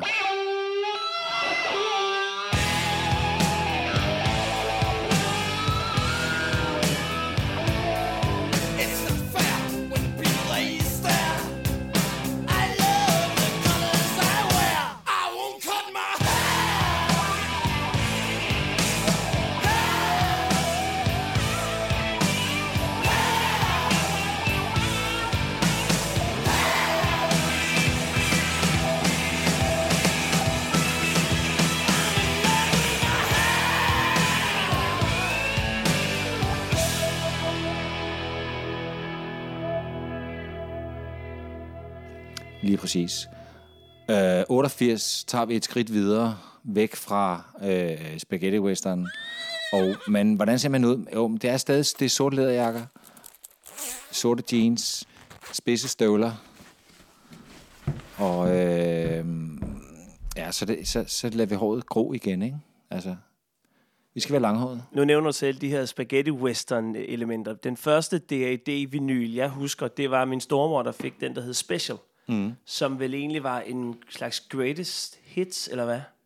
Det var det. Det var en opsamling, som blev lavet af det pladeselskab, som vi forlod i 88. Mega Records, hvor vi lavede vores to første plader øh, og en maxi-single. Og de synes lige, de skulle vride øh, citronen en gang, ikke? Så de udsendte den der faktisk, uden vi var med. Okay. De spurgte lige, kunne vi bruge det her billede og det her billede? Ja, okay så. Det er fede billeder. I står på en, øh, I står på en tømmerflod og leger med sådan nogle øh, meget gamle gevær og sådan noget. Ja.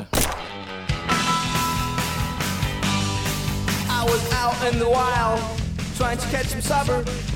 Vi havde brugt utrolig meget tid på den fotosession. En, en sø ude på Sjælland et sted, hvor det var vores gamle ven Robin Kjoldborg, der var med ud at tage de billeder.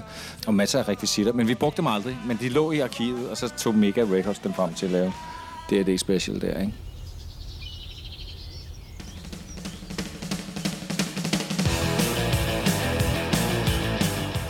Samtidig med, at der bliver skruet ned for cowboyhatten og seksløberen, bliver der skruet op for både gitaren og energien i D.A.D.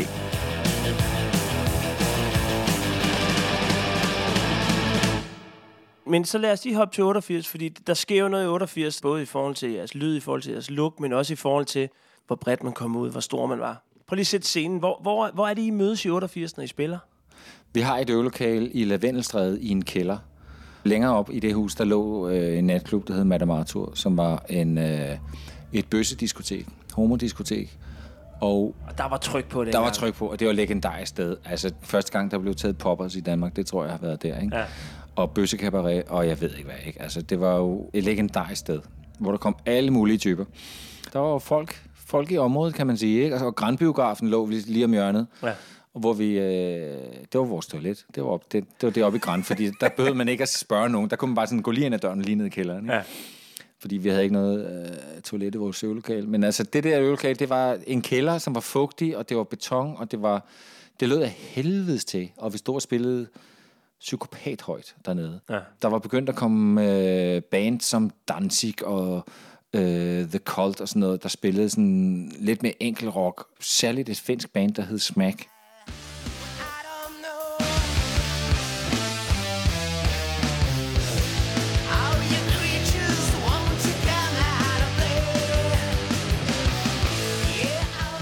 Det var særligt Jesper og Stig, som var blevet helt syge med smag, og de, de boede i, samme lejlighed sammen med Peter øh, ude på Østerbro i, en, i sådan en erhvervslejemål i en kælder. Helt Ja. totalt håbløst, ikke? Men altså, der kørte den på repeat, den der smag der.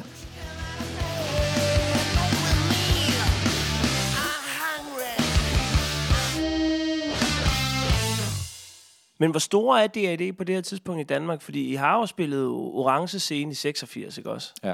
Så I var vel, var I rockband døde? Vi var på vej op, ikke? Altså, og vi var på et niveau, hvor vi var sådan et kuriøst indslag fra København, hvor vi, vi øh, jeg tjente alle mine lommepenge, og jeg tjente også min husleje, men vi var jo ikke slået igennem. Vi var lige præcis sådan et band, som Roskilde synes var sjovt at have sent om natten, eller om eftermiddagen, øh, eller et eller andet, ikke? Og øh, vi begyndte at få de der danske festivaler, som var sådan lidt progressive, ikke? Men altså, vi kunne jo ikke... Vi blev også hyret til sådan nogle sjove... Øh, øh fordi vi var, et, et, vi var jo et, et festligt indslag. Ja. Så nogle af de der... Øh, Sådan et øh, udklædningsband også. Ja, så de der elevråd ude omkring i uddannelsesinstitutionerne, de synes jo også, det var sjovt at høre os til deres fester. Så vi spillede på Næstved Gymnasium og Handelsskolen i Aarhus og sådan noget. Ikke? Det tjente vi jo penge på. Vi kender jer jo i dag som bandet, der altid har, har lidt at været med. Hvad havde I med dengang? Var det bare et par cowboyhatte, eller havde sådan et par swingdør fra en saloon på scenen? Jamen, det eller? sgu lige før. Ikke? Vi havde, øh, vi havde trommepodi bygget af krydsfiner og forskallingsbrædder. Altså, øh, Er det det, er det, det man kan se på 88-optagelserne fra Roskilde? Uh, jeg kan vise dig, jeg har faktisk. Fedt. Ej, du- okay, det er godt det her. Nu går vi simpelthen i gemmerne der. Yes. Må jeg prøve at se?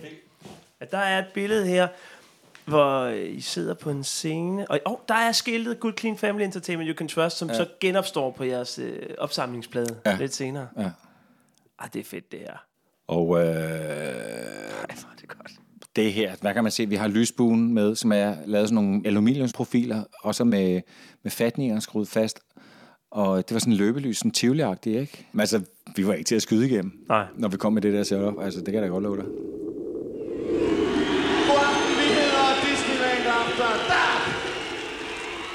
Er? For det er vi. Øh, vi har taget et nyt nummer med. Men hvad sker der så i det der øvelokale, i den der fugtige kælder under øh, bøssediskoteket der?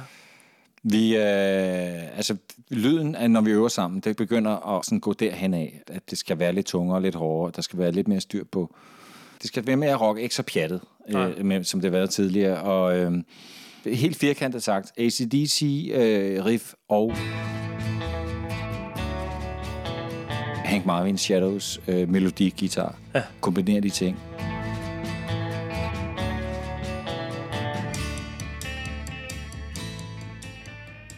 Og det er det, man kan høre i Sleeping My Day Away, og Point of View, og Girl Nation, og Lords of the Atlas på den plade. Ja, hvor der kommer de der... Ja. Sådan nogle... ja. Ah, det er fedt. Så den der lyd, tænker jeg, "Ej, det skulle da... Det, kan- det... Kan du prøve lige at slå tonen an, så folk lige forstår det? Vi har jo en guitar her. Altså, øh, det er jo sådan noget...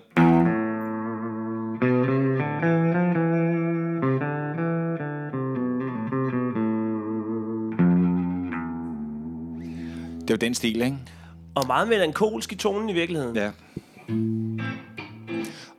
Vi elskede jo Ennio Morricones øh, soundtracks, ikke?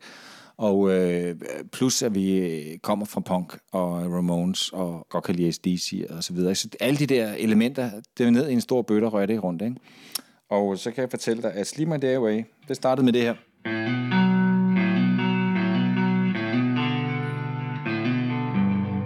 Og der, hvis du lægger mærke til, at jeg spiller det i H, det her. Ja. Ikke? Men det lå for højt til at synge, Aha. så den skulle ned i A. Ja.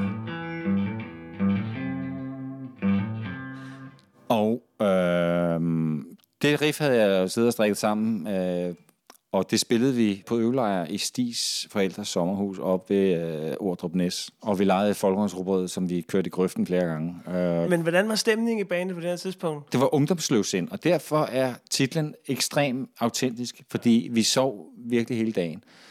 Og vi røg tjal, og vi gik i byen og drak guldbejer, og øh, det var sådan, det var. Men hvis vi så skal prøve lige at dykke lidt ned i sangen, prøv at fortælle os igennem den, hvad, hvad, hvad den er sat sammen af. Fordi vi kender jo riffet.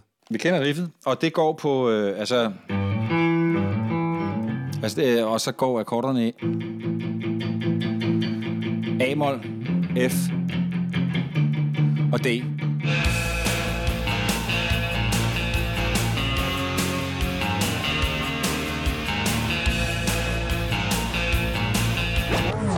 Og øh, det spillede vi på vores øvelejr i, i vi, vi kunne ikke finde på mere, men vi elskede det, så vi spillede og spillede og spillede hele natten. Og røg en ordentlig øh, chillum og spillede spillede igen. Og så spillede vi noget andet også. Og så lavede vi en lørdagskylling, og så sov vi til klokken 4. Så, så den nåede egentlig ikke længere? Den nåede ikke længere på Nej. øvelejren, nej.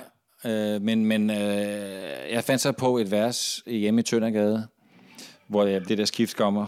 Øh,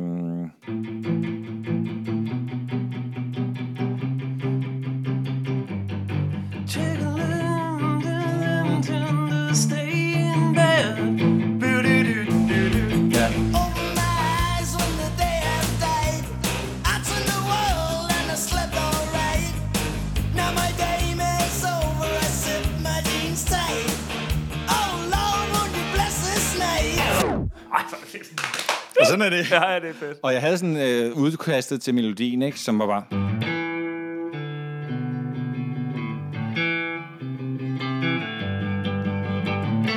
Og det er også bare riffet igen også lidt udvidet, ikke? Ja. kan man sige. Ikke? Og så med det Men der... når du så har Ja. ja.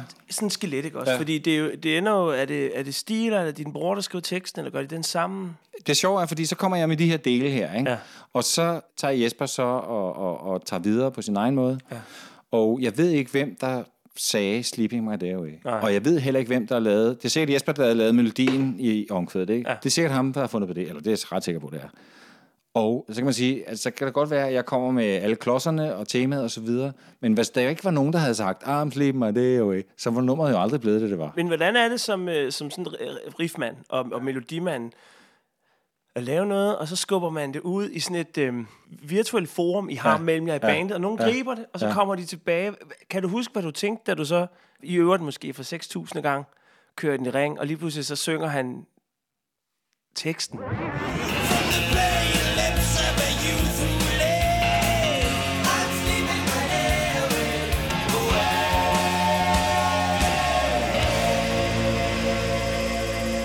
Vi synes alle sammen, det kunne noget særligt riffet i sig selv, ikke? Altså bare akkorderne og tema, guitar-temaet. Der kunne man mærke, at der var en vibe, ikke? Og så det der med, så kommer der lidt problemer med, nu skal vi videre med et vers, og vi prøver nogle forskellige ting, der ikke rigtig virker og sådan noget. Og der har vi sådan en typisk kontrovers med, at Jesper har et forslag, og så synes jeg ikke, øh, han har sådan en ændring eller et eller andet. Det synes jeg ikke, og så siger jeg, at det skal være mere sådan her, ikke? Og, og sådan noget. Og det, kan jeg huske, det havde vi også med det her.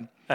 Og det har jeg også stadigvæk den Øh, dag i og dag. det har vi den dag i dag. Ja. Og, øhm, men altså, der skal være sådan en lille øh, diskussion, og den skal lige vendes et par gange, og det, det plejer det som regel at blive bedre af. Ikke? Men øh, altså, og, og hvis jeg, øh, så er det Jesper Stig, der har skrevet teksten, og hvis jeg øh, husker, kender mig ret, eller som det altid er, så, så bliver der lavet nogle ord og et omkvæd, og så bliver teksten først færdig i 11. time, øh, mens ja. den, sangen bliver indspillet. Ikke? Men da I så er færdige med den her pulje sange, som så skal blive til et album, og nu, skal, nu er det, det er et nyt label også, det er DRD 2.0. Hvad sker der så i studiet med det her nummer? Altså, kan, du, kan du huske indspilningerne? Ja.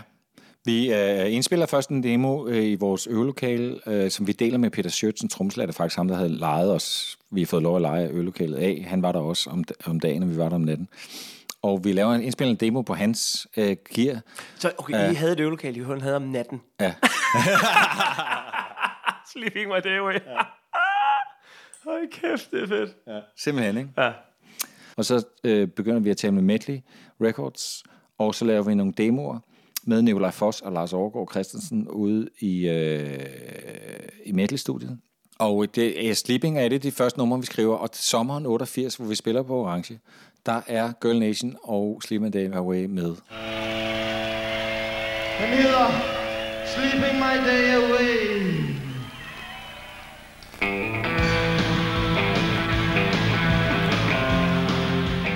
Hvordan passer de nye numre ind med de gamle? Det var en naturlig forlængelse af, hvad vi havde lavet, og det var et helt rigtigt skridt at tage. Fordi det, det andet, det var jo lidt konstrueret og lidt intellektuelt, og så blev det mere... Det blev sgu mere øh, instinktborget, altså om energisk, kunne man mærke. Og det var også noget musik, der var tættere på os. Altså, vi, der fandt vi vores egen musik, kan man sige, hvor meget af det, der var før, Der havde måske en distance, eller hvad? Ja, der var helt klart distance, og det var ironisk, og det var sådan lidt øh, iscenesat. Og der kan man sige, No Fuel er helt klart der, hvor vi træder karakter med at lyde som os selv.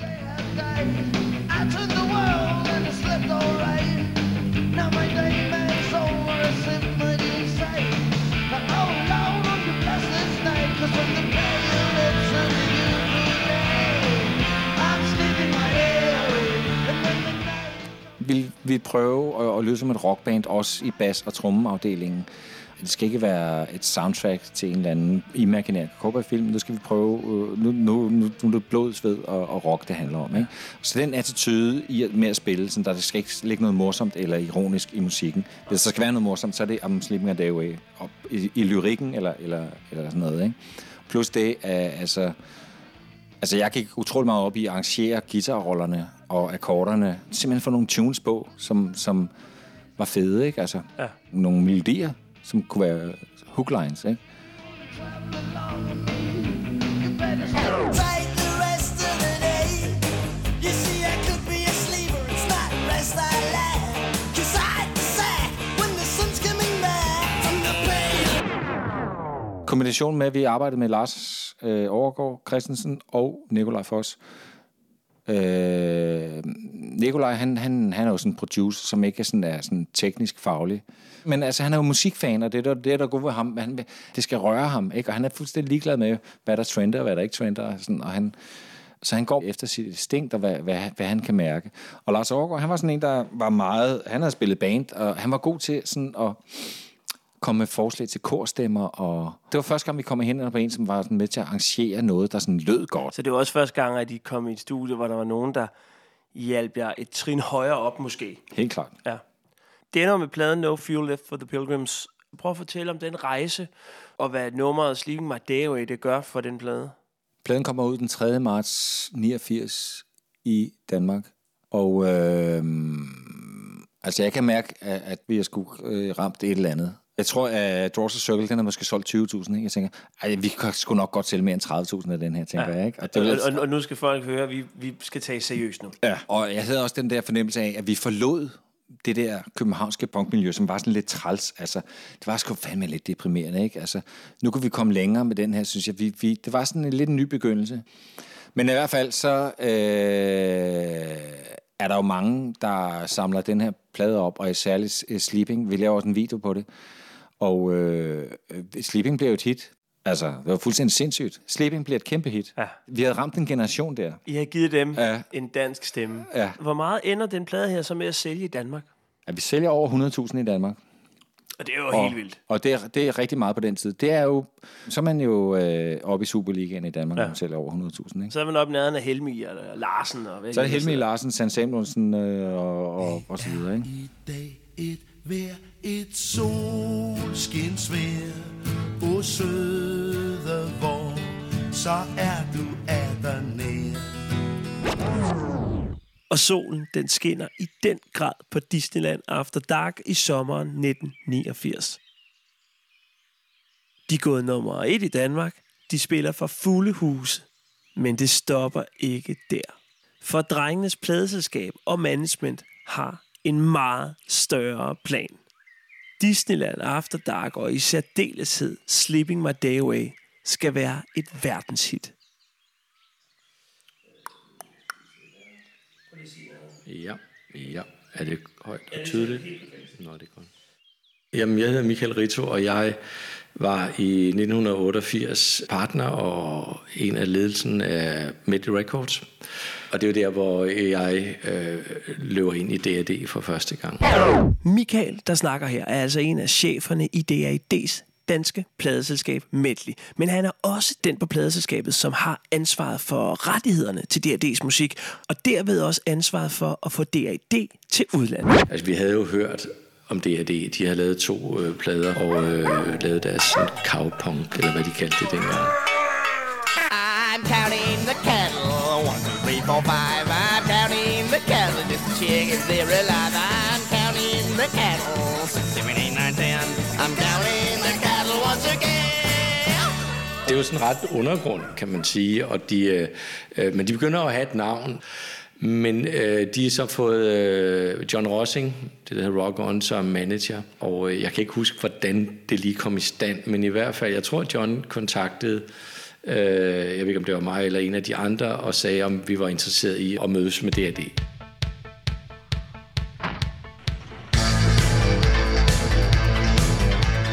Vi havde det lille bit kontor ude på Skelmosevej ude i Valby.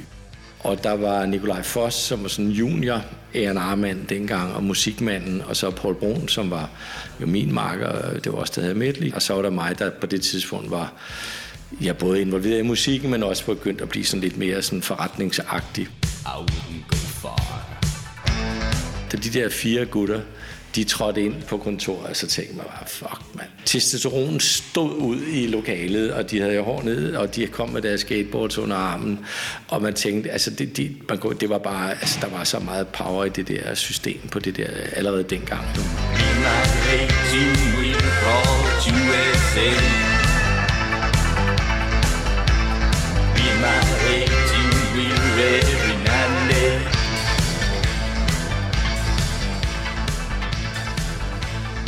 Og øh, så havde vi et møde med dem, og de var super ambitiøse og havde altså, ild i rumpetten, og vi ville rigtig gerne hinanden lige fra starten af. Der var super god energi, og jeg får så den der rolle af at skulle være med sammen med John til at og, og prøve at sælge det. Og vi havde jo en plan om, at det her skulle være et kæmpe hit i hele verden. Ikke?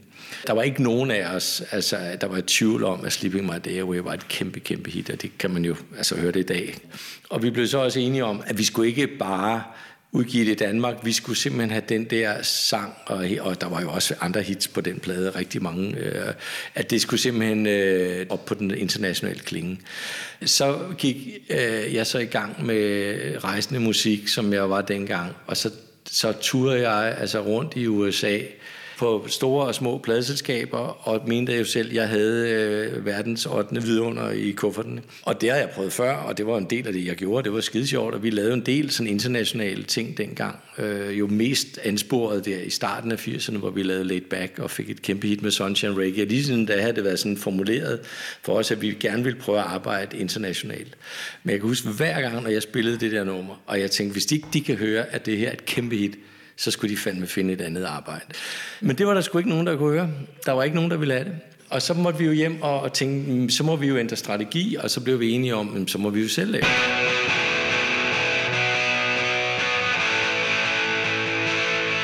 Jeg tror, at pladen kom øh, altså der i starten af 89. Og så er der så en, en stor tur, og så prøver vi igen, og nu har vi en færdig produkt, så tænker vi, så må de jo kunne høre det lidt mere. Selvom det nærmest var identisk med det, de havde hørt.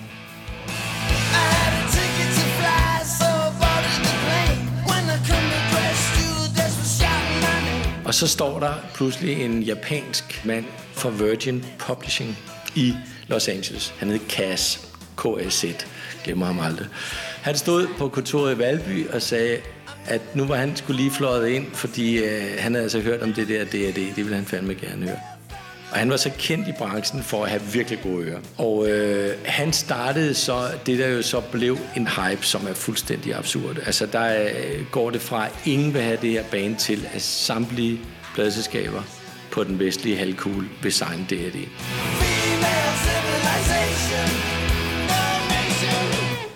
Og så begynder der altså at komme en flok af musikdirektører og A&R-folk og publisher, og vi prøvede sådan at holde tungen nogenlunde lige i munden og finde ud af, hvad søren gør man så. Nu havde vi en situation, hvor vi jo sådan set kunne vælge, hvem det skulle være. Og øh, Chris Wright, som faktisk ikke bare var ansat af Chrysalis, men ham, der ejede Chrysalis Records, som jo nu er opslugt, men var et meget stort selskab dengang. Han fløj et privat fly ind med 20 mennesker, tror jeg, til en koncert i Esbjerg. Så vi stod i Esbjerg. Altså, øh, jamen, øh, du tror, det er løgn. Det var fandme skægt. Nå, Chris, hvad, så, øh, hvad det så værd, det her? Ikke? Og så blev der helt stille i lokalet. Ikke? Og så er han er den, så den første, der siger det berømte der. At han tror nok, det er nok omkring en million dollar, ikke? man kan få i dagens marked for sådan et band. Ikke? Og øh, prøver vi så alle sammen at holde masken, og vi sidder altså, og tænker, okay, det, det går sgu meget godt det her. Ikke? Men nu handler det jo også om, hvem der kan læse bandet rigtigt og kan gøre det rigtigt. Så vi vælger tre pladselskaber i New York og tre i Los Angeles. Og øh, så beder vi dem om at komme med en lanceringsplan, en strategi for, hvad de vil gøre, øh, og et oplæg til en kontrakt.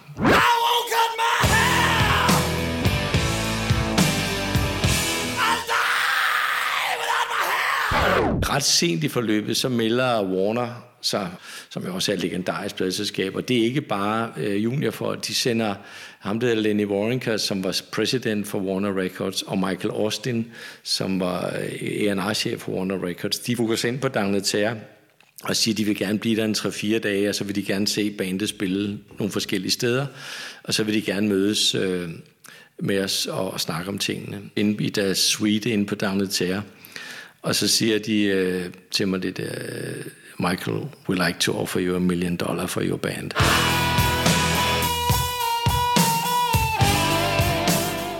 I mellemtiden kommer publishing så i spil, fordi vi har også publishing-rettighederne. Og så øh, får vi så dialog med Warner Publishing, og de, de er jo samme koncern, kan man sige. Og så er vi til New York, og der har vi så øh, engageret os med vores advokat, øh, Paul Schindler, som havde været Madonnas advokat, og altså kæmpe musikbrancheadvokat. Og så sad vi på, på Schindlers kontor der, og så sagde vi så til, til Warner, at vi ville gå med dem.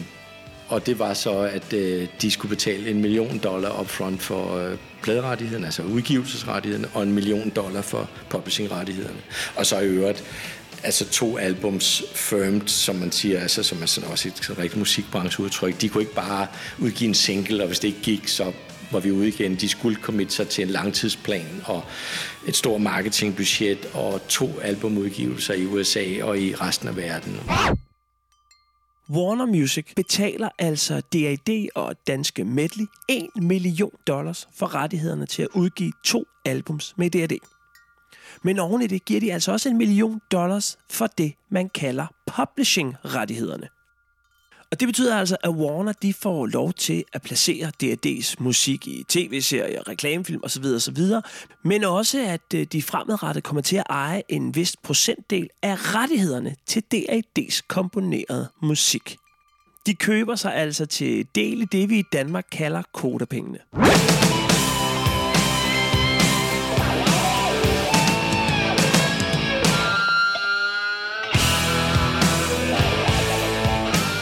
Så fløj de jo så, jeg tror 75 mennesker ind i et privatfly fra USA, da D.A.D. skulle spille på Roskilde Festivalen den sommer, hvor vi så winede og dinede dem, og det var så øh, radiostationer og Rolling Stone Magazine, og altså you name it, blev fløjet ind til, til D.A.D.-koncert på Roskilde Festivalen. Og vi havde en fest den sommer, det vil jeg, jeg skulle gerne Det var sgu sjovt.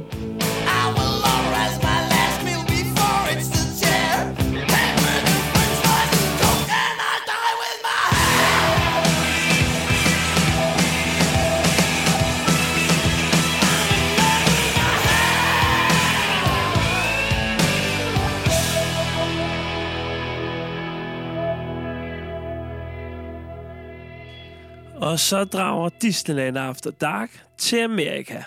Det starter med, øh, at de arrangerer øh, en showcase-tur, hvor man så spiller hver tredje dag i de store byer. Øh, New York, Dallas, øh, Chicago, Minneapolis, San Francisco, øh, Phoenix og, og Los Angeles. Vi bliver enormt godt modtaget. Vi bliver kørt i limoer. Altså, man skal tænke på, der var så mange penge i pladebranchen dengang, som der aldrig har været siden. Vi blev jo båret på hænder og fødder, og der var staff til alt. Ikke? Altså, Ja, ja. ikke? Og vi starter faktisk den, hele den her promotion tour på Warner Bros. Convention i Miami, hvor de så præsenterer nye acts og gamle acts. Altså, jeg sidder øh, ved et bord og får øh, svinekam og ser øh, Aerosmith øh, fem meter fra mig. Ikke? Så man har også bare været, okay, Ja. this is fucking real. Ja, det er simpelthen, nu er vi, nu er vi med i det gode selskab. Ja. Og vi spiller Sleeping og Rima Fell om eftermiddagen, kan jeg huske, ikke? Hvor Mo Austin sidder, den øverste chef, han sidder lige nede foran mig, ikke? Og øh, jeg kan huske i soloen i Rima Fell, der går jeg ned af scenen og hen foran Mo Austin, ja. og, og jeg spiller rigtig rockhelt, ikke? Og spiller guitar, ikke? Og det synes de også sjovt, ikke? Det var alt, hvad en restdreng øh, fra København drømmer om, ikke? Ja. Det er 89, ikke? Og jeg var jo øh, øh, 22 år gammel, ikke? Fuck. Og det var bare fra at sidde i Tøndergade i min toværelses lejlighed og strikke nogle toner sammen, ikke? De pumper jo forventningerne op, ikke? Ja. ja. at De fortæller jer, we are gonna touch the sky. Ja, ikke? Og vi rejser rundt og spiser utrolig mange middage og laver utrolig mange interviews med alle mulige radiostationer, og jeg tror, vi tager alle sammen cirka 4-5 kilo på, da, da, på det, da vi endelig når, når til Los Angeles, ikke? Ja. Bandet var klar, og det amerikanske pladeselskab var også klar med det helt store promotionapparat. Nu manglede de bare at finde ud af, om det amerikanske rockpublikum var klar på en tur til Disneyland efter mørkets frembrud. Vi vidste jo godt, at det der hype der, det, altså det var jo bare hype. Altså på nogle måder, og det skal man vel også være ærlig at sige, at, at det var sgu ikke sikkert, at det var specielt fremmende for bandets karriere, at der kom så meget hype, fordi så blev man jo pludselig det band, alle vidste, der var signet, i stedet for at man kunne komme lidt nedefra. Men det var for sent, og vi kunne ikke gøre noget ved det, og så, så kan du nærmest kun skuffe. Og i virkeligheden, og så kan man sige, floppede vi i USA. Øh, efter nogle parametre gjorde vi jo i forhold til så mange andre, men de gjorde rigtig meget godt for det band. Men de nåede aldrig helt at forstå kernen af, hvad det er. Det var den der blanding af tegneserieuniverset og humoren og sådan noget. Det connectede ikke med amerikanerne. Det gjorde det ikke, og så prøvede de at tage dem lidt væk fra det. Og så mistede bandet måske deres karakter, fordi så skulle de jo konkurrere på lige vilkår med andre rockbands, så der er konkurrencen jo altså hård i USA. Ikke? Men de fik jo ret solid succes rundt omkring i Tyskland, og som band jo stadigvæk spiller, og Portugal, og Japan, og Australien og sådan noget. Men jeg tror, at singlen peakede som nummer 5-26 på Billboards Hot 100, som ikke er ingenting, men jo ikke er nok til, man har det rigtige hit. Og så, så gik det jo, som det så gjorde, at, at, at den pikkede så der, og så brrr, lige ved næsten, ikke? Og så skulle vi jo så videre med en ny single, og så et nyt album, hvor de så prøvede en lidt anden retning, øh, lidt mindre sådan tegneserie, lidt mindre humor, og en video, der så blev indspillet i USA, som vi aldrig rigtig blev glade for. Altså, ja, så disconnected man på en eller anden måde med det, og så... Øh, da de to albums var lavet for Warner, så var vi ude af den kontrakt, og så arbejdede vi videre på egen hånd. Øh. Vi kæmpede med næb og klør, men det som europæisk rockband og break i USA, og det, altså jeg ved ikke, hvor mange der nogensinde har gjort det, hvis nogen. Altså, det er, øh, det er svært. Altså, så, så man kunne have gjort det anderledes, som der er nogen sådan second thoughts på det. Altså, jeg tror, alle anerkender, at vi gjorde sgu, hvad vi kunne.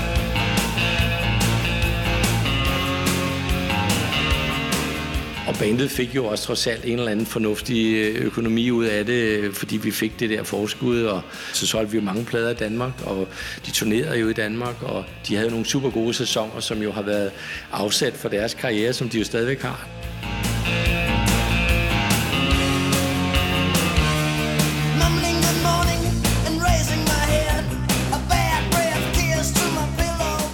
Jeg lige snakket med en af mine venner, som lige har været inde og se dem i Portugal her, lige inden coronanedlukningen, for, altså, folk kan alle tekster, når de spiller store koncerter. Så jeg kigger tilbage på det som et fantastisk minde, øh, og det var skide sjovt, og, og det var sjovt at være med på den der rejse, og altså, det skulle fandme være blevet nummer et i hele verden. Oh, Lord,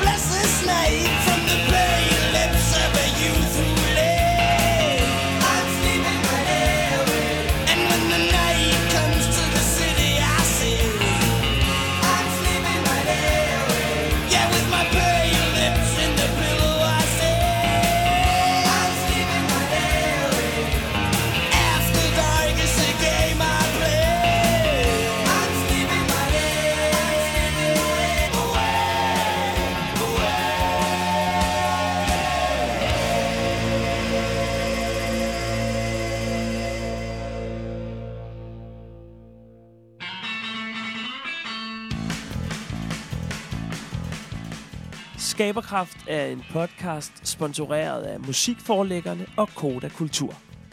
I redaktionen sidder vi mig, Mathias Hunebøl, Christian Goldbach og Johannes Dybkær Andersen, som er manden bag ideen og konceptet. Skaberkraft produceres af Homeland og udgives af Radio Loud. You're now listening to Disneyland After Dark. Hit it, boys. Og prøv lige at høre her. Hvis du godt kan lide det, du hører her i Skaberkraft, så gå lige ind i din podcast-app, hvor du jo allerede er lige nu. Øhm, giv os en anmeldelse. Giv os nogle stjerner. Og skriv eventuelt, hvad for et nummer, du kunne tænke dig, at vi dykker ned i næste gang. Tak fordi du lytter med.